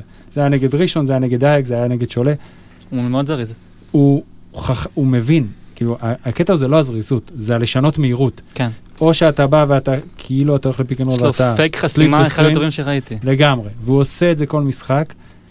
הוא בעיניי המנהיג של הקבוצה הזאת, והוא משלים את כולם, הוא מתאים למישהו כמו פניני שהוא חכם. אתה רואה למשל את הבעיה של פניני, שהוא משחק עם שחקנים זרים שלא מבינים מספיק כדורסל. אתה רואה שקשה לו, נכון. אז אין לו את הבעיה הזאת. אין לו שנה שעברה אגו, זה בא לידי ביטוי הבעיה. נכון.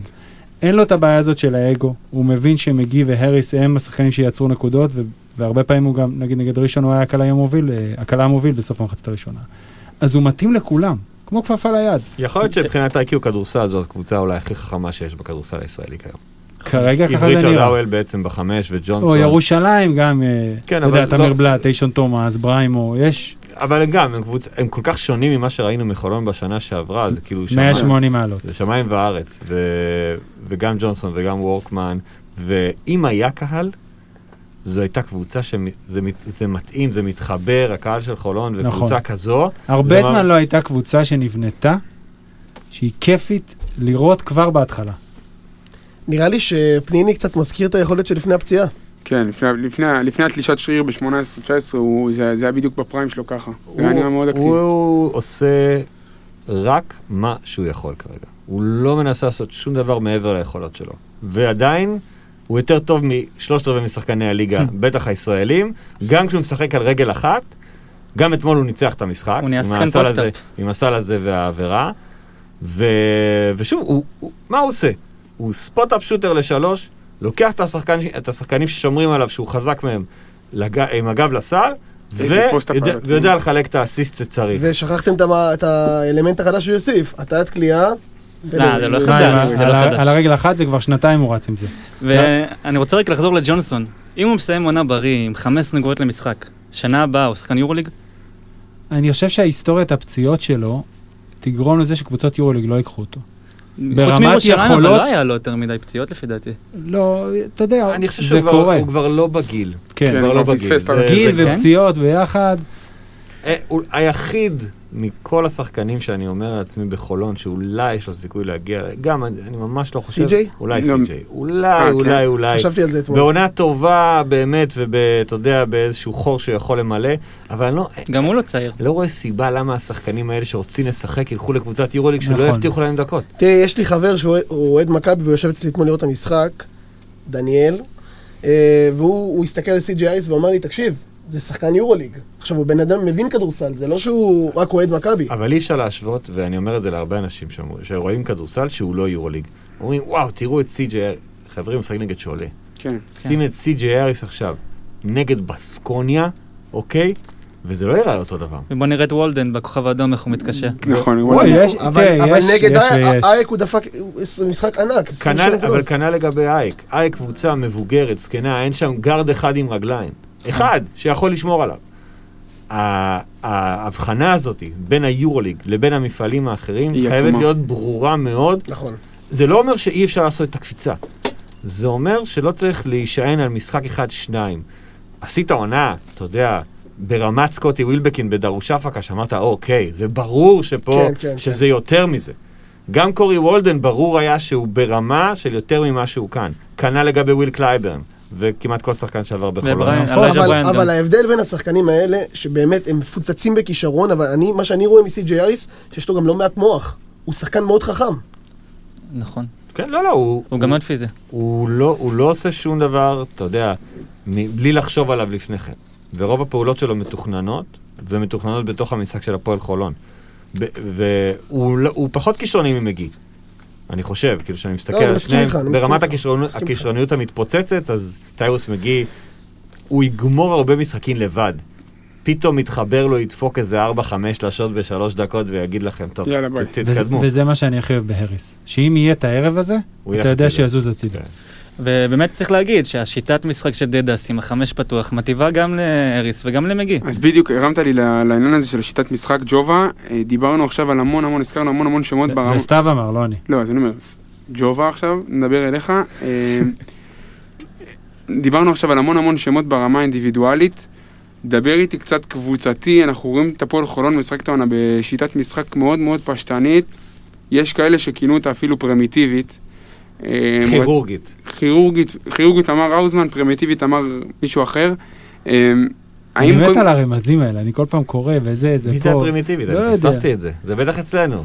האם, האם, באמת, בוא רגע נחשוב על זה מבחינת קונספטואלית, האם באמת אתה מסכים שהשיטת משחק הזאת היא, פרימיטיבית או שהיא באמת פשטנית יתר על המידה? אני לא אוהב את המילה הזאת פרימיטיבית. וה- והאם אתה חושב שזאת כשיטת משחק, בוא נניח שאתה אומר שהיא לא פרימיטיבית, האם זאת שיטת משחק שיכולה להוביל קבוצה לתארים, למשל? השיטה הזאת היא שיטה שלוקחת את היתרונות שיש לשחקנים שהרכיבו את הקבוצה ומביאה אותם לידי ביטוי בצורה הטובה ביותר. מה עוד אתה רוצה שאתה בונה קבוצת כדורסל? תמיד יהיה את הוויכוח הזה, מה אתה עושה? אתה מתאים, אני כל פעם שואל, כל מאמן שמגיע לפודקאסט אני תמיד שואל אותו, אתה מתאים שיטה לשחקנים או שחקנים לשיטה? אני לא יכול להגיד לך מה בא קודם פה. כי הוא גם אבל- בנה את הסגל וגם עכשיו מכתיב את בדיוק. השיטה. עכשיו דדס, שאני לא אהבתי את זה שהוא קיבל אישור לשבת בבית ביוון, לא ניכנס לזה, אבל הוא ישב והוא כנראה עבד. והוא הביא שחקנים שהוא מכיר, שיש לו היסטוריה איתם, או נגדם או ביחד איתם, והוא ידע מה הם יכולים לתת לו. אין פה הרבה הימורים. אם תסתכל על הסגל, ההימור הכי גדול של הסגל זה ריצ'רד האוול. ואז אמר, אוקיי, אני יודע מי אלה, אני יודע מה הם ייתנו, עכשיו אנחנו נשחק ככה. יכול להיות שהוא רצה לשחק ככה ואז הוא הביא את השחקנים, גם יכול להיות, אבל אתה, אם יש מילה שאני מוכן להשתמש בה, זה בסיסי. זה מה שיש מהשחקנים. זו השיטה שאני אוהב, וזה עובד.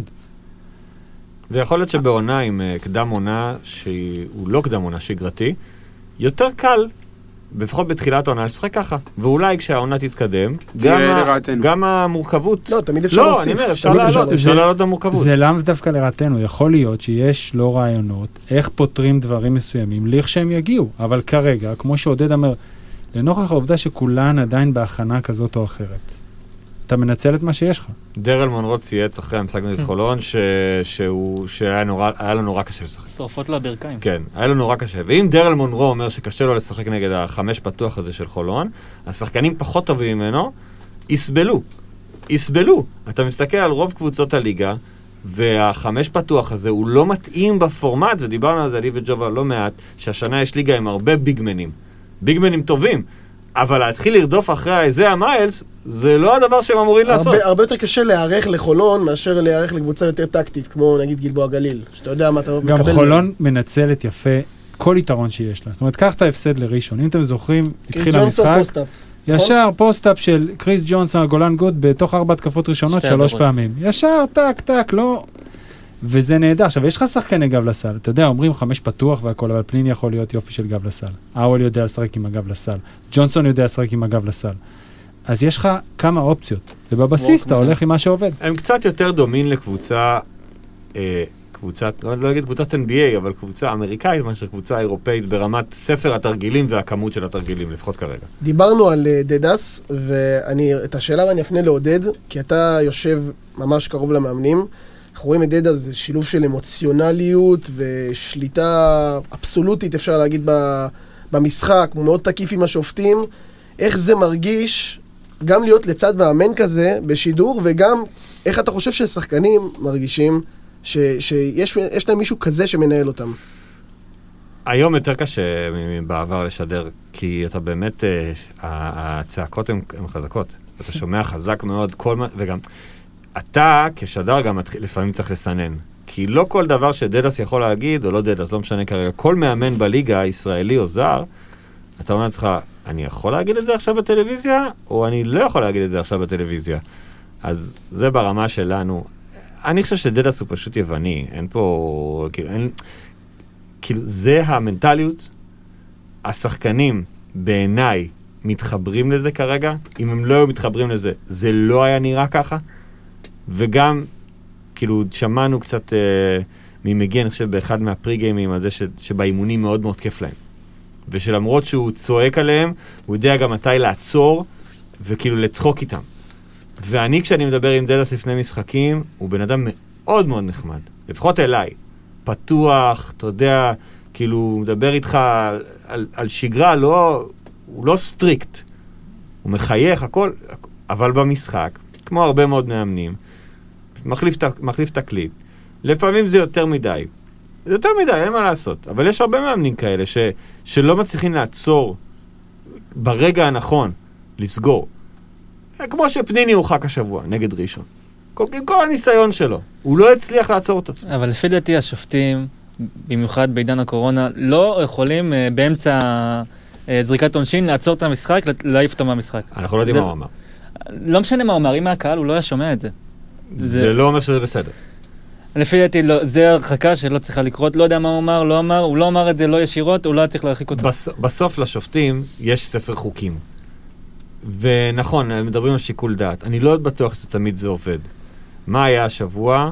עם דני, פרנקו. לא, לא, עזוב את זה. בגלבוע. בר טימור נפל. קסטריטיס בא והרים אותו. ואז הוא יצא. אמר בר, אתה צריך לצאת. כן. זה חוק חדש. אם המאמן נכנס ונוגע בשחקן, זה כמו טיפול. עכשיו הוא אומר, אבל מה, הוא רק...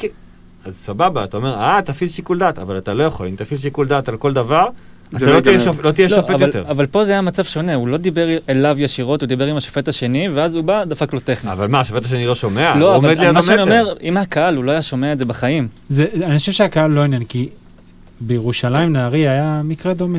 עומד עומר אסטרון ליד דני פרנקו, ודני פרנקו צועק למרסון שהוא רחוק בקצה השני, לך תראה בלילה את העבירה הטכנית. עכשיו, עזוב את זה שהוא לא אמר פה כלום, כן? אבל מרסון בקצה השני, עומד עומר אסטרון לידו, הוא שומע את זה, הוא לידו. אין קהל, יש קהל, הוא שומע, והוא לא מגיב. והלך השופט והגיב. אז אני חושב שהקהל זה עניין. לפעמים כן צריך שיקול דעת, בטח במה אומרים לך, אבל אני מסכים עם עודד, ואני מסכים גם איתך, זה היה נראה מוזר. באמת, אני עברתי אחורה, ראיתי מוקלט כמה דקות אחרי שהתחיל, העברתי אחורה בשביל להבין מה קורה פה.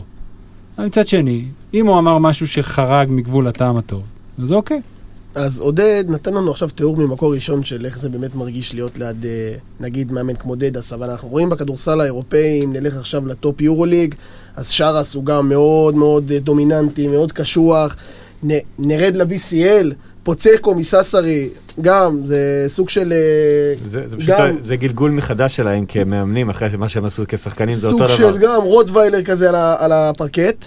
ואני, אני, קודם כל, יש לי, יש לי שתי שאלות. דבר ראשון, האם ניהול, ניהול משחק דומיננטי של קבוצה זה כל כך קריטי לטירוף שהמאמנים מצפים לראות? ודבר שני, האם העובדה שהם יותר חתיכים מדדס משרתת להם את האינטרסים? פוצקו המאמן הכי חתיך באירופה, נקודה. אה, נקודה. מה, יותר משרס? יותר משרס.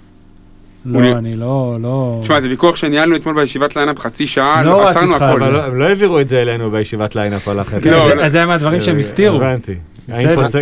המלל היה מחוק. כן, כן, לא, ראינו תראה, שם אחר ויכוח כך. על חתיכים זה משהו שצריך לעשות, אתה יודע, לא להיות מוכן. זה. פודקאסט בפני עצמו נראה לי. ג'ובה בתור היפה ביותר כאן יכול לענות על זה. ממש. אני חושב שלשרס יש יותר, אה, שוב, ברמת ה... ה- יותר פאסון חתיכי. פוצקו הוא קצת יותר... אה, אה, חשבתי עונה לי על הקטע של הטירוף. לא, לא, אה, לא, אתה רוצה עכשיו. בוא נדבר. מה זה הטירוף הזה? יש דיסוננס אדיר בין הטירוף לבין השליטה. שרס שולט בקבוצה שלו, הוא מרים את האצבע וכולם יודעים מה לעשות.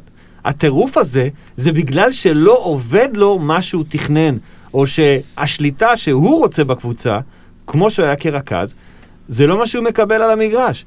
כנ"ל לגבי אוברדוביץ', שבעצם הוא המורה של שרס ברמת ה... אבל פחות חתיך.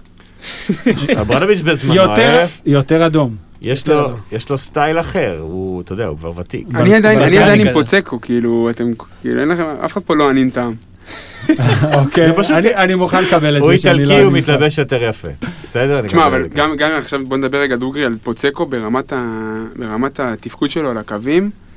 גם באותו משחק שדיברת עליו בתחילת הפוד, שהפסדנו לססרי, כל שריקה הוא מגיע והוא מתלונן והוא צורח, הוא מפעיל לחץ עצום על השופטים.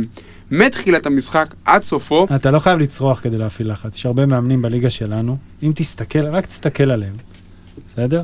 הם כל הזמן מדברים עם השופטים. פיני גרשון היה מומחה בזה, לא, בלחישות. פיני הבא בדיוק לוחש באוזן. קטש, דן שם. זה בסדר. יש להם, אתה- אתה גם צריך לדעת, תראה, באירופה זה קצת קשה, כי שופטים מגיעים ממדינות אחרות וכאלה, אז אתה אומר, אני מעלה פה סברה, אתה אומר, אוקיי, אני אנסה את הטקטיקה הקשוחה, כי אני לא יודע. אבל כשאתה מאמן הרבה שנים, גם באירופה, ואתה כבר מכיר את השופטים, אז אתה יודע איך להתנהג. עכשיו, בוא נראה את שרס, אם הוא יהיה אותו דבר גם בעוד עשר שנים. הוא עדיין יהיה דומיננטי, והוא יהיה כל הזמן בתנועה, והוא לא עכשיו יישב רגל על רגל. נראה לי שהוא אבל הוא, ימשיך. הוא, הוא, הוא קצת יתמתן, לא אין מה לעשות. לא. אני חושב שטיפה. אוברדוביץ' התמתן? טיפה, כן. כן? כן, תשאל את אה, ג'י-ג'י. טוב. לא כל השחקנים, דיברתי על שופטים. אה. שחקנים לא. נגיד השבוע שידרתי מהוואקה, כאילו מהערוץ. יפה, הספקת לנסוע? כן, הייתי חזרתי. לפני שהיא נהייתה לפני מדינה אדומה. חזרתי. אז אה, ספי יושב ושפט, והיה איטודיס על הקווים עם צסקה. היה מיקרופון, ליד איטודיס. זה לא קורה הרבה ביורוליג, וכל מה שאיטודיס אמר שמענו. גם את העבירה הטכנית שהוא קיבל, שמענו מה הוא אמר. ואז אמרתי לספי, ספי, איך היה? תשמע, איטודיס, אה, קשה. הוא לא מפסיק לדבר איתך. הוא חופר לך באוזן כל המשחק. כל המשחק, הוא לא סותם את הפה. אז... אבל איטודיס זה, בדרך כלל זה בסטייל. בסטייל. עד שקפץ לו הסכך, וכאילו עף לו הסכך והוא מתחיל לצעוק. ואז הוא מקבל את הטכנית. אבל כל מאמן לוקח את השליטה שלו על הקבוצה בצורה שונה, וגם מפעיל את הלחץ על השופטים בצורה אחרת. אה, זה, אה, אבל אני חושב שבגלל שהם בני אדם, ובגלל שבסופו של דבר השופ, השופטים, הם... זה ששומעים יותר, זה לא עוזר להם. זה לא עוזר להם, הם שומעים עכשיו באמת דברים שהם לא אמורים לשמוע, גם מהאין קהל בישראל לדוגמה, עדיין יש 80 צופים, כמעט כל משחק, ואלה ה-80, הגרעין הקשה. האלה שיודעים מה להגיד לשופטים כי הם מכירים אותם. ווואלה, אני הייתי השבוע בנס ציונה, ולא היה לי נעים לשמוע מה אומרים אה, לשופטים. גם היית עם ברד גרינברג, זה בכלל לא... גרינברג היה באחד המשחקים הרגועים שלו. כן? הוא לא היה, הוא היה שקט מאוד. אני אומר, אומרים דברים מהיציע על שופט, שהוא לא שומע אותם בדרך כלל. וואלה, לא נעים. נכון. אז גם הדבר הזה, אי אפשר להתייחס אליהם כ... כאיזשהם רובוטים שכאילו מדברים עליהם והם הם לא שומעים שום דבר, הם שומעים הכל, ולפעמים גם יכול להיות שהיצריות גם אצלהם גורמת להם לתגובה שהיא לא נראית לנו כהגיונית. הספסלים גם זה נורא קשה, הצעקות, ראיתי משחק של נהריה השבוע, כל, נהריה נגד גלבוע, זה היה השבוע שעבר נראה לי. כל התקפה שומעים את הספסלים. כל התקפה. זה עכשיו מאוד חזק. טוב, אז אה, דיברנו על אה, מספר מאמנים מאוד מאוד מכובדים. בואו נדבר על מאמן מכובד נוסף, אותו אנחנו עתידים לפגוש במוצאי השבת, הלו הוא ליאור ליובין היקר. יוצאים אה, למפגש מול אה, גלבוע גליל, משחק חמישי תוך 14 ימים. אה, פוגשים את אהובתו של טאבוך אה, למשחק אה, חוזר אחרי הניצחון בגביע ווינר.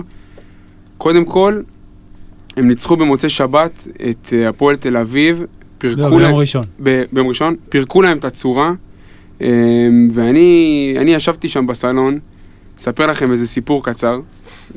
תספר? מה אתה אומר? כן, תספר? כן. ספר אותו. מה זה? סיפור קצר, אני... הייתי- התכתבתי איתו בדיוק בלייב, שאני רואה את המשחק. אני גר, מתגורר עם סבתא שלי, וישבתי בסלון, זה היה שעת ערב, רואה את המשחק של הפועל תל אביב נגד גלבוע, והיא נמנמה לה, אה, נמנמה לה על הספה שם, אה, ומבחינת הווליום, הווליום לא היה כזה גבוה. הוא ממוצע לגמרי, כאילו. לא הבנתי לאן אתה הולך. ממוצע לגמרי היה הווליום. אני, הפועל תל אביב יוצאת להתקפה, וההתקפה לא צולחת, הכדור עף קדימה לג'יי פלויד, שיוצא ל fast break מטורף, עוד שנייה שובר את הטבעת, הלפרין מתפוצץ על הקווים, ובוא נגיד שסבתא שלי לא חזרה לישון באותו לילה. היא לא חזרה לישון באותו לילה, אבל אה, תשמע, איך עם גיל בני? אני מאשים את, אה, את המיקרופון. אה, אבל אה, ככה זה, לפעמים שאתה רואה מהלך ואתה מתלהב ממנו, אתה הופך להיות אוהד, בתוך השידור. ראיתי באחת הקבוצות בפייסבוק שאמרו שבאמת דיברו על, על הצעקה. כי היה איזה סרטון בפייסבוק, ואמרו, אני מעדיף שהשדר יהיה אמוציונלי מאשר שיהיה מרדים. זה חד משמעית נכון. אז אפרופו אמוציות, גלבוע גליל מעלה לך סתיו הרבה הרבה אמוציות אה, לאחרונה. הרגת את הבן אדם, אני- הרגת אותו. עד שהוא- עד שהוא לא אומר לי, תשמע, אני אני מחוץ מקבל הודעות לפלייאוף, כל השבוע מאוהדי גלבוע גליל, רוצים אה, להכניס אותי לפודקאסט אני החממה. שולח אותו- אני שולח אותו לפודקאסט שלהם, אני עושה... לחממה? אני רגע, לכמה קבוצות יש פודקאסט אוהדים? וואו. תשמע, אה, יש את הפודקאסט אוהדים של מכבי תל אביב, שהוא ברדיו תל אביב, מכבי בול. היה פודקאסט שאני מכיר אותו, שקוראים לו הפודל, של אוהדי הפועל ירושלים, משהו ביתי יותר, שפחות צלח. אנחנו בני חודשיים ומשהו. אה, ולאט לאט, אתה יודע, זה כמו, זה לאט לאט צצים להם עוד פודקאסטי אוהדים, אה, ולדעתי זה מבורך. יפה. פודקאסט על הפועל תל אביב, אבל הוא משולב לדעתי כדורגל כדורסל כן, ביחד. ב- צבע כן. אדום, צבע אדום. גם מכבי בול זה כדורגל כדורסל ברדיו תל אביב. הם עושים פרקים אבל ספציפיים, מכבי בול, ב- נגיד, טרחתי... את זה יורוליג. וכאלה. כן, כן. אז אה, סתיו, דבר איתי קצת על גלבוע גליל, אה, לפני שנעביר את השרביט לאורחים שלנו, מה מה מצאת על הקבוצה הזאת, והאם אנחנו הולכים לקראת משחק קשה כמו שמצופה. כן, הולך להיות משחק קשה לפי דעתי, גלבוע גליל נראית מאוד מוכנה בשלב הזה של העונה. מגיע בלי מנוחה. אה, נכון, הם משחקים היום, הם משחקים היום ב... איזה מסגרת זאת? ליגה. ליגה? מחזור ראשון היום. כן. היום מתחילים. אוקיי. לא, ראשון או שני? היום ראשון. יש גם מחזור 12 היום נראה לי, לא? כן, כי יש את הקבוצות הפועל- הגדולות, כן. הפועל תל אביב, אה, גלבוע, מה זה היה? בלקני? מחזור ארבע. לא, זה היה מחזור אה, 4. מחזור עכשיו- אין בלקני. רק נגיד, הם ניצחו את הפועל תל אביב 20 הפרש, במשחק שהיה חד צדדי מההתחלה. אה, מה- ברבע השני כבר היה אזור ה-20 הפרש. אה, וחקרתי קצת על גליל. יש כמה דברים ששמתי לב שהם אה, קורים כל משחק. למשל, הם קבוצת רימון התקפה אחת הטובות שראיתי. הם, כל, הם אה, לקחו בשישה משחקים של העונה בכל המסגרות אה, יותר מ-15 רימון התקפה למשחק, שזה מאוד הרבה, וכנראה אנחנו גם נקבל 15 רימון התקפה. יש שאומרים הרבה מאוד. הרבה מאוד, הרבה מאוד. Uh, מבחינת כליאה, הם לא קבוצת כליאה טובה. העונה בליגת העל הם פתחו על הפנים, ב- בבלקן קצת יותר טוב, אבל בדקתי הכל ביחד, 32 אחוז לשלוש? לשלוש בכל המשחקים. אבל אי אפשר להמר עליהם, היו להם משחקים עם uh, 11 שלשות וגם עם 6 שלשות, אבל אי אפשר להמר על הכלייה שלהם. דבר אבל איתי הגנתית, מה הם עושים ליריבות שלהם? אני, משהו שגם שמתי לב אליו, זה היריבות שלהם קולות באחוזים לא טובים לשתיים, וזה קשור למטריה האווירית שיש להם בצבע, אה, פלויד. אה, במשחק האחרון חסמו כל הקבוצה עשר חסימות. זה מתחיל להזכיר, לא, אני לא אתעלה בדברים גבוהים של בני השרון של אוסמן סיסה ו... ושון ג'יימס, אבל קצת הגזמתי, אבל... הגזמת, אה, הגזמת. הגזמתי, אבל... אה, אתה יודע מה, זה באמת כזה אילן גבוה להתעלות בו?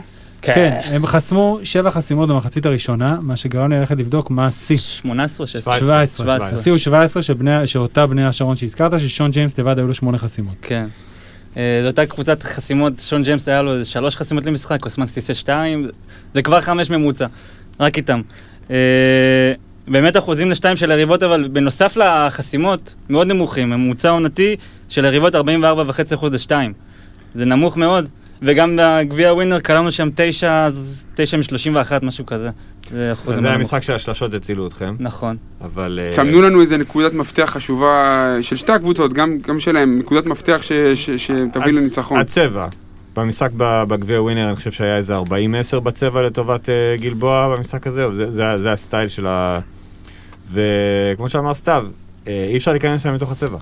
עומדים שם פלויד, ובלקשיר, בינגו. אבל עזוב את פלויד ובלקשיר, הם יכולים להעלות גם את בני הסרור, ואת חנוכי, וארצי, וגם יפתח זיו, וגם תומאסון, וגם שניהם- חן חלפון. חלפון פצוע, אה, אוקיי. הוא, פה- הוא לא אה, יהיה, נכון, נפצע במשחק. נפצע במשחק האחרון, הוא לא כן. יהיה. אז יש להם את עמית גרשון. אז זה עמית נכון. גרשון, קודם כל, כולם שומרים, כולם שומרים, וכולם גדולים. שים את גיל בני, חוץ מגיל בני, כולם שם גארדים גדולים. והם לוחצים על כל המגרש כמעט כל המשחק. ויש, וגם אין להם שום מניעה לעשות עבירות. גיל בני יודע שהוא אומר, אני יכול למכור את העבירות שלי. גם אני השאירו לא, אותו עם ארבע אני עבירות לא במשחק הקודם. חשוב. אני כאילו חשוב, אבל מה שאני עושה, אני אעשה, וזהו. אבל העניין הוא באמת, ברמה ההגנתית, קשה מאוד להגיע שם לתוך הצבע, אבל הייתי שם את הפועל תל אביב לא כדוגמה טובה. כי אין לה שום איום מבחוץ, לעומתכם, לעומת חולון, וכי כרגע ההתקפה שלה נראית באמת אה, ברמה, ב- לא רמה שמתאימה. לא, יש לנו אינדיקציה מהמשחק מרבע גמר גביע ווינר נכון. כדי לדעת לאן נושבות הרוחות. חולון לא הייתה צריכה לנצח את המשחק הזה. לא, מסכים. מסכים אמת. לגמרי. לא הייתה צריכה לנצח אותו. אני חושב אחרת, אבל. גנבה את המשחק. לא, אל תיסחף עכשיו. גנבה? לא, לא גנבה. לא הייתה צריכה לנצח וגנבה זה שני דברים שונים. שדדה? לקחה, בזזה. חטפה. חטפה. אז היה לקחה שם את כמה המשחק. טעויות של יפתח זיו כן, במאניטיים. נכון, היו שם כמה דברים גם, אה, אתה יודע, אבל אני חושב ש... שזה באמת משחק של 50-50, ותלוי כרגע בכלייה מחוץ לקשת. אם חולון לא תקלע ב-40% ומעלה, כשיודעים מה יש בתוך הצבע של גלבוע, יהיה לה מאוד מאוד קשה לצאת ממשחק הזה עם ניצחון. הם גם יבואו למרר למגי את החיים. בגלל שהם הגיעו המוביל כדור המרכזי. ברנדווין אולי יחזור, הם עשו את זה די טוב. הם עשו את זה די. טוב. ואז זה גם, גם אם זה לאו דווקא מתבטא בחטיפה באותו רגע, אתה גם נכנס לראש של שחקן, אתה גם מתיש אותו יותר. עכשיו הוא, מעבר לעובדה שהוא מוביל את הכדור, הוא עדיין צריך לקלוע. וזה לוקח ממך, לוקח ממך אנרגיות, וברור שליובין, שהוא אחד המאמנים היותר יסודיים שיש, וגם שיחקו שתי הקבוצות ממש לא מזמן, ישים על זה דגש, ואז נראה כמה חשוב זה הובלת כדור של האוול, ועם ברנדווין חוזר, ו- ופניני וג'ונסון. אני לא רוצה להיות נביא זעם, אבל לפני שבוע אמרתי שאנחנו פותחים את הליגה עם 0-2. עוד לפני ראשון. ואם אם, אם אתה אומר לי שזה, שזה יגדיל לי את הסיכויים לעלות שלב ב, בליגת אלופות, אני קונה. לא, אני חושב שבאמת, מבחינת מצ'אפ, גליל וראשון לציון מאוד בעייתית לנו בליגה, ועם כל השאר אנחנו נסתדר, אני לא, לא מתייחס למכבי תל אביב וירושלים. למה- משחקים מה- אחרים. מה- מה- מה הבעייתי בראשון? ראשון, הגבוהים שלהם, אקיל מיטשל. ודריל מונרו, זה מצ'אפ לא טוב לנו. וגם נועם אביבי. לא הייתי נועם מזה אביבי, נועם נכון, אביבי. נועם נכון. אביבי אמנם הוא לא אני- ארוך כל הוא מאוד כך, אקטיבי. עדיין אני חושב שזה זה לא לא גבוה כמו גלבוע. אבל לא. הם חזקים. הם יותר קצרים אני בסנטימטרים, אבל עודד, הם אני חזקים. מסכים עם עודד שמבחינת, כמו שסתיו אמר, מטריה אווירית, גלבוע הרבה יותר מפחידים מראשון, כי בוא, מונרו לא כבר שט ברגעים. שלו בקריירה שהוא שומר, והקיל מיטשל הוא שומר טוב, אבל הוא לא- לא לא בלקשיר ולא... הוא גם לא היה טוב נגד חולון. ולא מיטשל. פלויד. דרך אגב, אביבי, הפתעה ממש נחמדה, אביבי. באמת אחלה של שחקן. בליגה הלאומית הוא. לא צריך... אה, הפ- הפתעות אה, מסכמים בסוף העונה. משחק אחד טוב, זה השקר הכי גדול. לא, אני לא, דווקא- לא, אני- מדבר כבר על התקופה של הקורונה. 50-50, אתה צודק להתחלה, אבל. אביבי נראה מצוין כבר הרבה הוא צריך משחקים. להמשיך גם. מהקורונה הוא היה טוב. הוא צריך להמשיך עם זה. ותתייחס לעובדה שהוא נמצא תחת המאמן הכי טוב אה, לפרוח בו, אולי. לא. גם. הסיטואציה מתאימה, הוא בעצם מחליף ראשון לגבוהים. אה, ראשון לציון הלכה על סגל יותר רזה, ויתרה על אירופה, החלטה מאוד נכונה של ראשון לציון. אתה רואה את היורו-קאפ מתפורר לחתיכות בגלל הקורונה. ואם לראשון לא היה את הכסף לקחת את ה... ללכת להרפתקה הזו, ולא היה לה כנראה, אז היא אומרת, אוקיי, אז אני ארוויח את זה בארץ. נותן, אני, אנחנו לא מדברים לך על נועם דוברת שבגיל 18 הוא גארד, התרגלנו. רכז ראשון, הוא משחק כמו... לגיטימי. בן 30, לא בן 18. זה- זה מה שהכי הוא משחק מפתיע ככה אצלו. מאז שהיה בן 15. בדיוק, ובגלל זה אני גם... תמיד כשאני רואה שחקן ישראלי צעיר, אני מאוד מתלהב, אני רואה כל משחק שלו, ועם דוברת, אני לא, לא מרגיש את ההתלהבות הזאת, כי הוא משחק נורא בוגר, והוא לא נראה בן 18. יודע מה, זה גם סוגיה שרצינו להעלות והתלבטנו, אבל זה, זה משהו שהוא פחות ל, לאמצע עונה או לתחילת עונה, זה יותר ממש ממש ל preseason. לא, אה, זו שאלה יפה, למה בחולון אין איזה שחקן כמו, כמו בריסקר, כמו נועם דוברת, כמו החבר'ה הצעירים האלה, שאתה יודע, חוזה ארוך טווח, שמישהו שהקהל יכול להזדהות איתו, זה משהו שהוא מאוד חשוב. בטח לך, סתיו, שאתה מדבר על זה, כל משחק אתה אומר לי בריסקר, בריסקר, כל בריסקר. פרק אתה אומר אה, לאו צעירים. דווקא בריסקר, אבל אני אוהב כדורסל ישראלי, בטח שיש בקבוצה שחקנים צעירים. ובחולון אין את זה, ובגלל זה בשנים האחרונות נורא התבאסתי. אני מניח שזה א', נובע מהעובדה שיש בעיה גדולה בין מחלקת הנוער של הפועל חולון למחלקה, לקבוצה הבוגרת. לא ניכנס לזה פה. אבל כמה כבר אה, שחקנים יצאו ממחלקת הנוער של הפועל חולון? לא, אבל לא, בשנים האחרונות. ברמת. התיאום יש שם בעיה. ולא יצאו הרבה שחקנים מהפועל חולון בשנים האחרונות. רביב פיצ'ו. זהו, לא יצאו. וזה גם מזמן, מאוד. מאוד. אז זהו, אותו דבר אומרים על הפועל ירושלים, זה לא משהו שהוא אגב, גם ספציפי להפועל חולון. רביב פיצ'ון התראיין השבוע שהוא מאוכזב שבנוער לא עבדו איתו על דברים אחרים חוץ מחסימה והתגלגלות.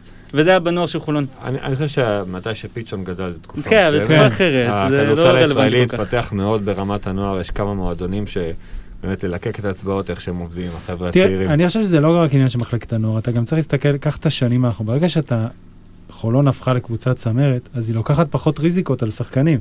מכבי חיפה יכולה לקחת ריזיקה עם בריסקר וסורקין, כי למרות שאולי ג'ף רוזן רוצה למעלה, אבל ברמה הריאלית, הם קבוצה פחות הישגית. לא נגיד קטנה, אבל פחות הישגית. ואז מגיעים אליך שחקנים כמו פניני וכמו גב אוחיון, ולא נשכח שעל בלטה מסוימת, שלומי ארוש היה כמעט עשור. כמה בדיוק. ישראלים אתה כבר צריך? ולאט בדיוק. לאט המצטמצמות ה- האופציות, האפשרויות. יכול להיות שעוד קיץ, שיוגב יסתיים לו החוזה, ובעצם הישראלי הבטוח היחידי נגיד יהיה פניני ווורקמן, יהיה לך, תהיה לחולון אפשרות לקחת גר צעיר או גבוה צעיר וכן להתקדם איתו. וזה מחבר אותנו למה שאיתן, שאיתן לנציאנו שהיה פה, אמר שהמטרה של חולון בקיץ הייתה להחתים את אה, קולושוב לחוזה ארוך טווח, וזה לא יצא כי... יש לו הוא לא שאיפות רצה. אחרות. יש לו לא שאיפות יצא. לא אחרות. רוצה, רוצה לשחק ברוסיה כן. כרגע. והוא לא משחק בינתיים. טוב, חבר'ה, אז uh, אנחנו עברנו המון המון המון נושאים, היה לנו פרק מאוד מאוד גדוש. בעיקרון, סיימנו, אבל לא לפני שאנחנו כתמיד נותנים את הבמה לאוהדי הפועל חולון. Uh, העלינו את ה... חשפנו אתכם ברשתות החברתיות, את uh, הגעתכם אלינו, ואוהדי הפועל חולון הפציצו אותנו בשאלות אה, מאוד מאוד מעניינות. אנחנו נדלה עכשיו אה, שאלה או שתיים מרכזיות אה, מעניינות שמצאנו מהקהל, ואנחנו נפנה אל האורחים שלנו. אה, נתחיל עם אה, חבר בשם ארז שמילוביץ'. הוא מעלה סוגיה מעניינת בנושא, בנושא התקשורת. אה, הוא אומר, אה, חלק מעובדי ערוץ הספורט מצהירים על אהדה לקבוצה מסוימת, אה, ושאר שאר אנשי ערוץ אה, ואנשי תקשורת אחרים מחרישים את אהדתם לקבוצה מסוימת. אה, אז הוא שואל בעיקרון, הוא שואל מה הקטע. עכשיו אני אקח את השאלה שלו ואשפצר אותה קצת. אתם אוהדי ספורט בסופו של דבר, אתם מגיעים מהספורט. קודם כל, איך מתמודדים עם המתח הזה בין השאיפה להיות לא כמונו, אנחנו גוף תקשורת סובייקטיבי לחלוטין, אתם אובייקטיביים, איך אתם מתמודדים עם המתח הזה? ושנית, האם אתם מצהירים בריש גלי לפעמים על מי אתם אוהדים או, או לא? נתחיל איתך, ג'ובה.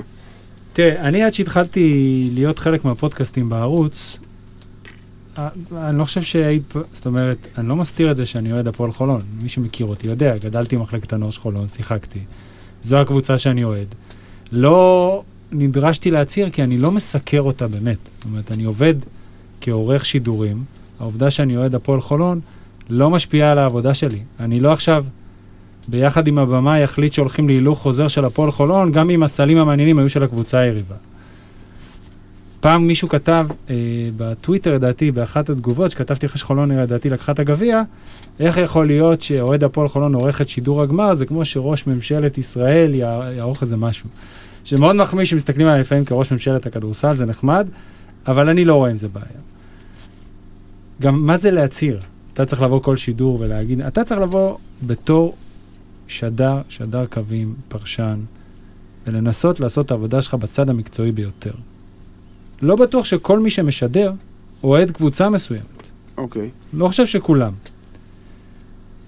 וגם מדובר באנשים, שוב אני עכשיו אומר את דעתי ומכליל, שהם לא, לא כולם, גם אם אוהדים קבוצה מסוימת, גדלו על הגדרות בפחים, שזה מונע מהם לעשות. אם הם מרגישים שזה מונע מהם, אז תראה, המקרה היחיד שיודעים, שמכירים, וגם זה קשור להפועל חולון, של איש תקשורת שאוהד בצורה אה, אחד לאחד ב-100% קבוצה ויצא לו לשדר אותה, זה עמית אורסקי. נכון. מלבד זה, וגם עליו, האם הרגשת שהוא שידר את גמר הפלייאוף שמכבי תל אביב שיחקה זה בצורה אחרת? לא. אני חושב שצריך גם לסמוך על אנשים שבאים לעשות את התפקיד שלהם על הצד הטוב ביותר, ויחד עם זאת זה די חריג. אני גם לא חושב שמישהו מסתיר. אז, אז רציתי לשאול שאלה, אה, להפנות לשניכם, רעיון שעלה לי, זה אולי קשור למינהלת, קשור גם אליכם כגוף שידור מרכזי. אה, אולי בוא נוריד את כל הנושא הזה מה- מהשולחן, ונלך לאיזשהו מודל כמו ב-NBA של שדרים ביתיים, כל מיני עיתונאים ושדרים מרכזיים שלא יסתירו את האהדה שלהם, למשל, סתם דוגמה, נגיד עמית אורסקי, שדר שידורים, אה, משחקי בית של הפועל חולון, ואז גם, ה, ה, וגם, ואז גם הצופה בבית יקבל תחושה של משחק ביתי של הפועל חולון, כי, כי, ה- כי השדר הוא אוהד הפועל חולון גלוי מוצר, כולם יודעים, זה חלק מהחבילה שאני בא למשחק חוץ בחולון. זה יכול לעבוד רק במודל האמריקאי. כי המודל האמריקאי הוא מבדיל בין שידורים מקומיים, אזוריים, לבין שידורי חוף אל חוף. ולכן, כשאתה אומר, אוקיי, לקבוצה, הקבוצה שלי, נגיד אני פורטלנד, אוקיי? מינתה בדיוק אה, שדר חדש. לקבוצה שלי, פורטלנד, יש 12 שידורים בשנה שהם חוף אל חוף. ועוד, בעונה רגילה, 70 משחקים שמשודרים רק לקהל שלי. אז אני יכול להגיד, אוקיי, אז אני צריך שדר ופרשן משלי. ערוץ הספורט הוא לא ערוץ, הוא לא ערוץ פריפריאלי של מקומון חולון, או ראשון, או תל אביב, או לא משנה מה. אנחנו לא יכולים לבוא ולשים שדר בכל מגרש שישדר גם החוצה וגם לתוך קהילה מסוימת. זה, זה יותר מדי להבחין, וזה גם לא נכון במדינה כמו שלנו, שהיא מדינה די קטנה. אני אישית, כשאני שומע שידורים של uh, תחנות מקומיות בארצות הברית, אני לא אוהב אותם. אני חושב שזה שידורים לא טובים. מסכים. הם, הם מוטים לצד אחד. אני בא לראות משחק. לא מעניין אותי רק הקבוצה שלכם, יש פה שתי קבוצות על המגרש. אבל רק, רק במשחקי בית. זה כל... כשאתה עולה יוצא למשחק חוץ, גם אתה שיושב על הספה אבל- בבית ורואה את המשחק, אתה במגרש חוץ. אבל אתה אז- מרגיש... אבל אז זה מוטה לצד השני, לא משנה דבר. כשאתה מה? יוצא למשחק חוץ נגיד בראשון, או שאתה בא למשחק חוץ פה בחולון, או שאתה משחק אצלך בבית, אתה מרגיש אחרת, גם, כ- גם כצופה בבית. תראה, אני- אפשר, אפשר, בוא נגיד ככה, אני חושב שאפשר להתווכח על זה הרבה, אבל בגדול, זה לא ריאלי שיהיה פה גם גוף תקשורת שיפיק שני שידורים שונים לכל משחק כדורסל. אני מחזיר אותך להתחלה, לפופולריות של הכדורסל. בסופו של יום, עזוב שאישית אני חושב שזה לא, אין בזה צורך. זה לא ריאלי, זה לא כלכלי. זה עניין של הקבוצות. כן. אם הקבוצה רוצה שידור. מובחן, מובחן משלה, אה, על גבי רדיו, לא משנה כרגע מה, לרכב על שידור הטלוויזיה, זה עניין של הקבוצה. זה צריך להיות אחריות של הקבוצה וכלפי האוהדים שלה. אם הפועל חולון רוצה לעשות את זה, תפאדל, בכיף. אנחנו כערוץ לאומי, לא ערוץ מקומי, לא יכולים להגיע אני למקום הזה. מסכים, חד משמעית. סתם, זה, זה, זה איזושהי קונספציה שעלתה לי בראש, אמרתי אולי זה יכול להיות מעניין.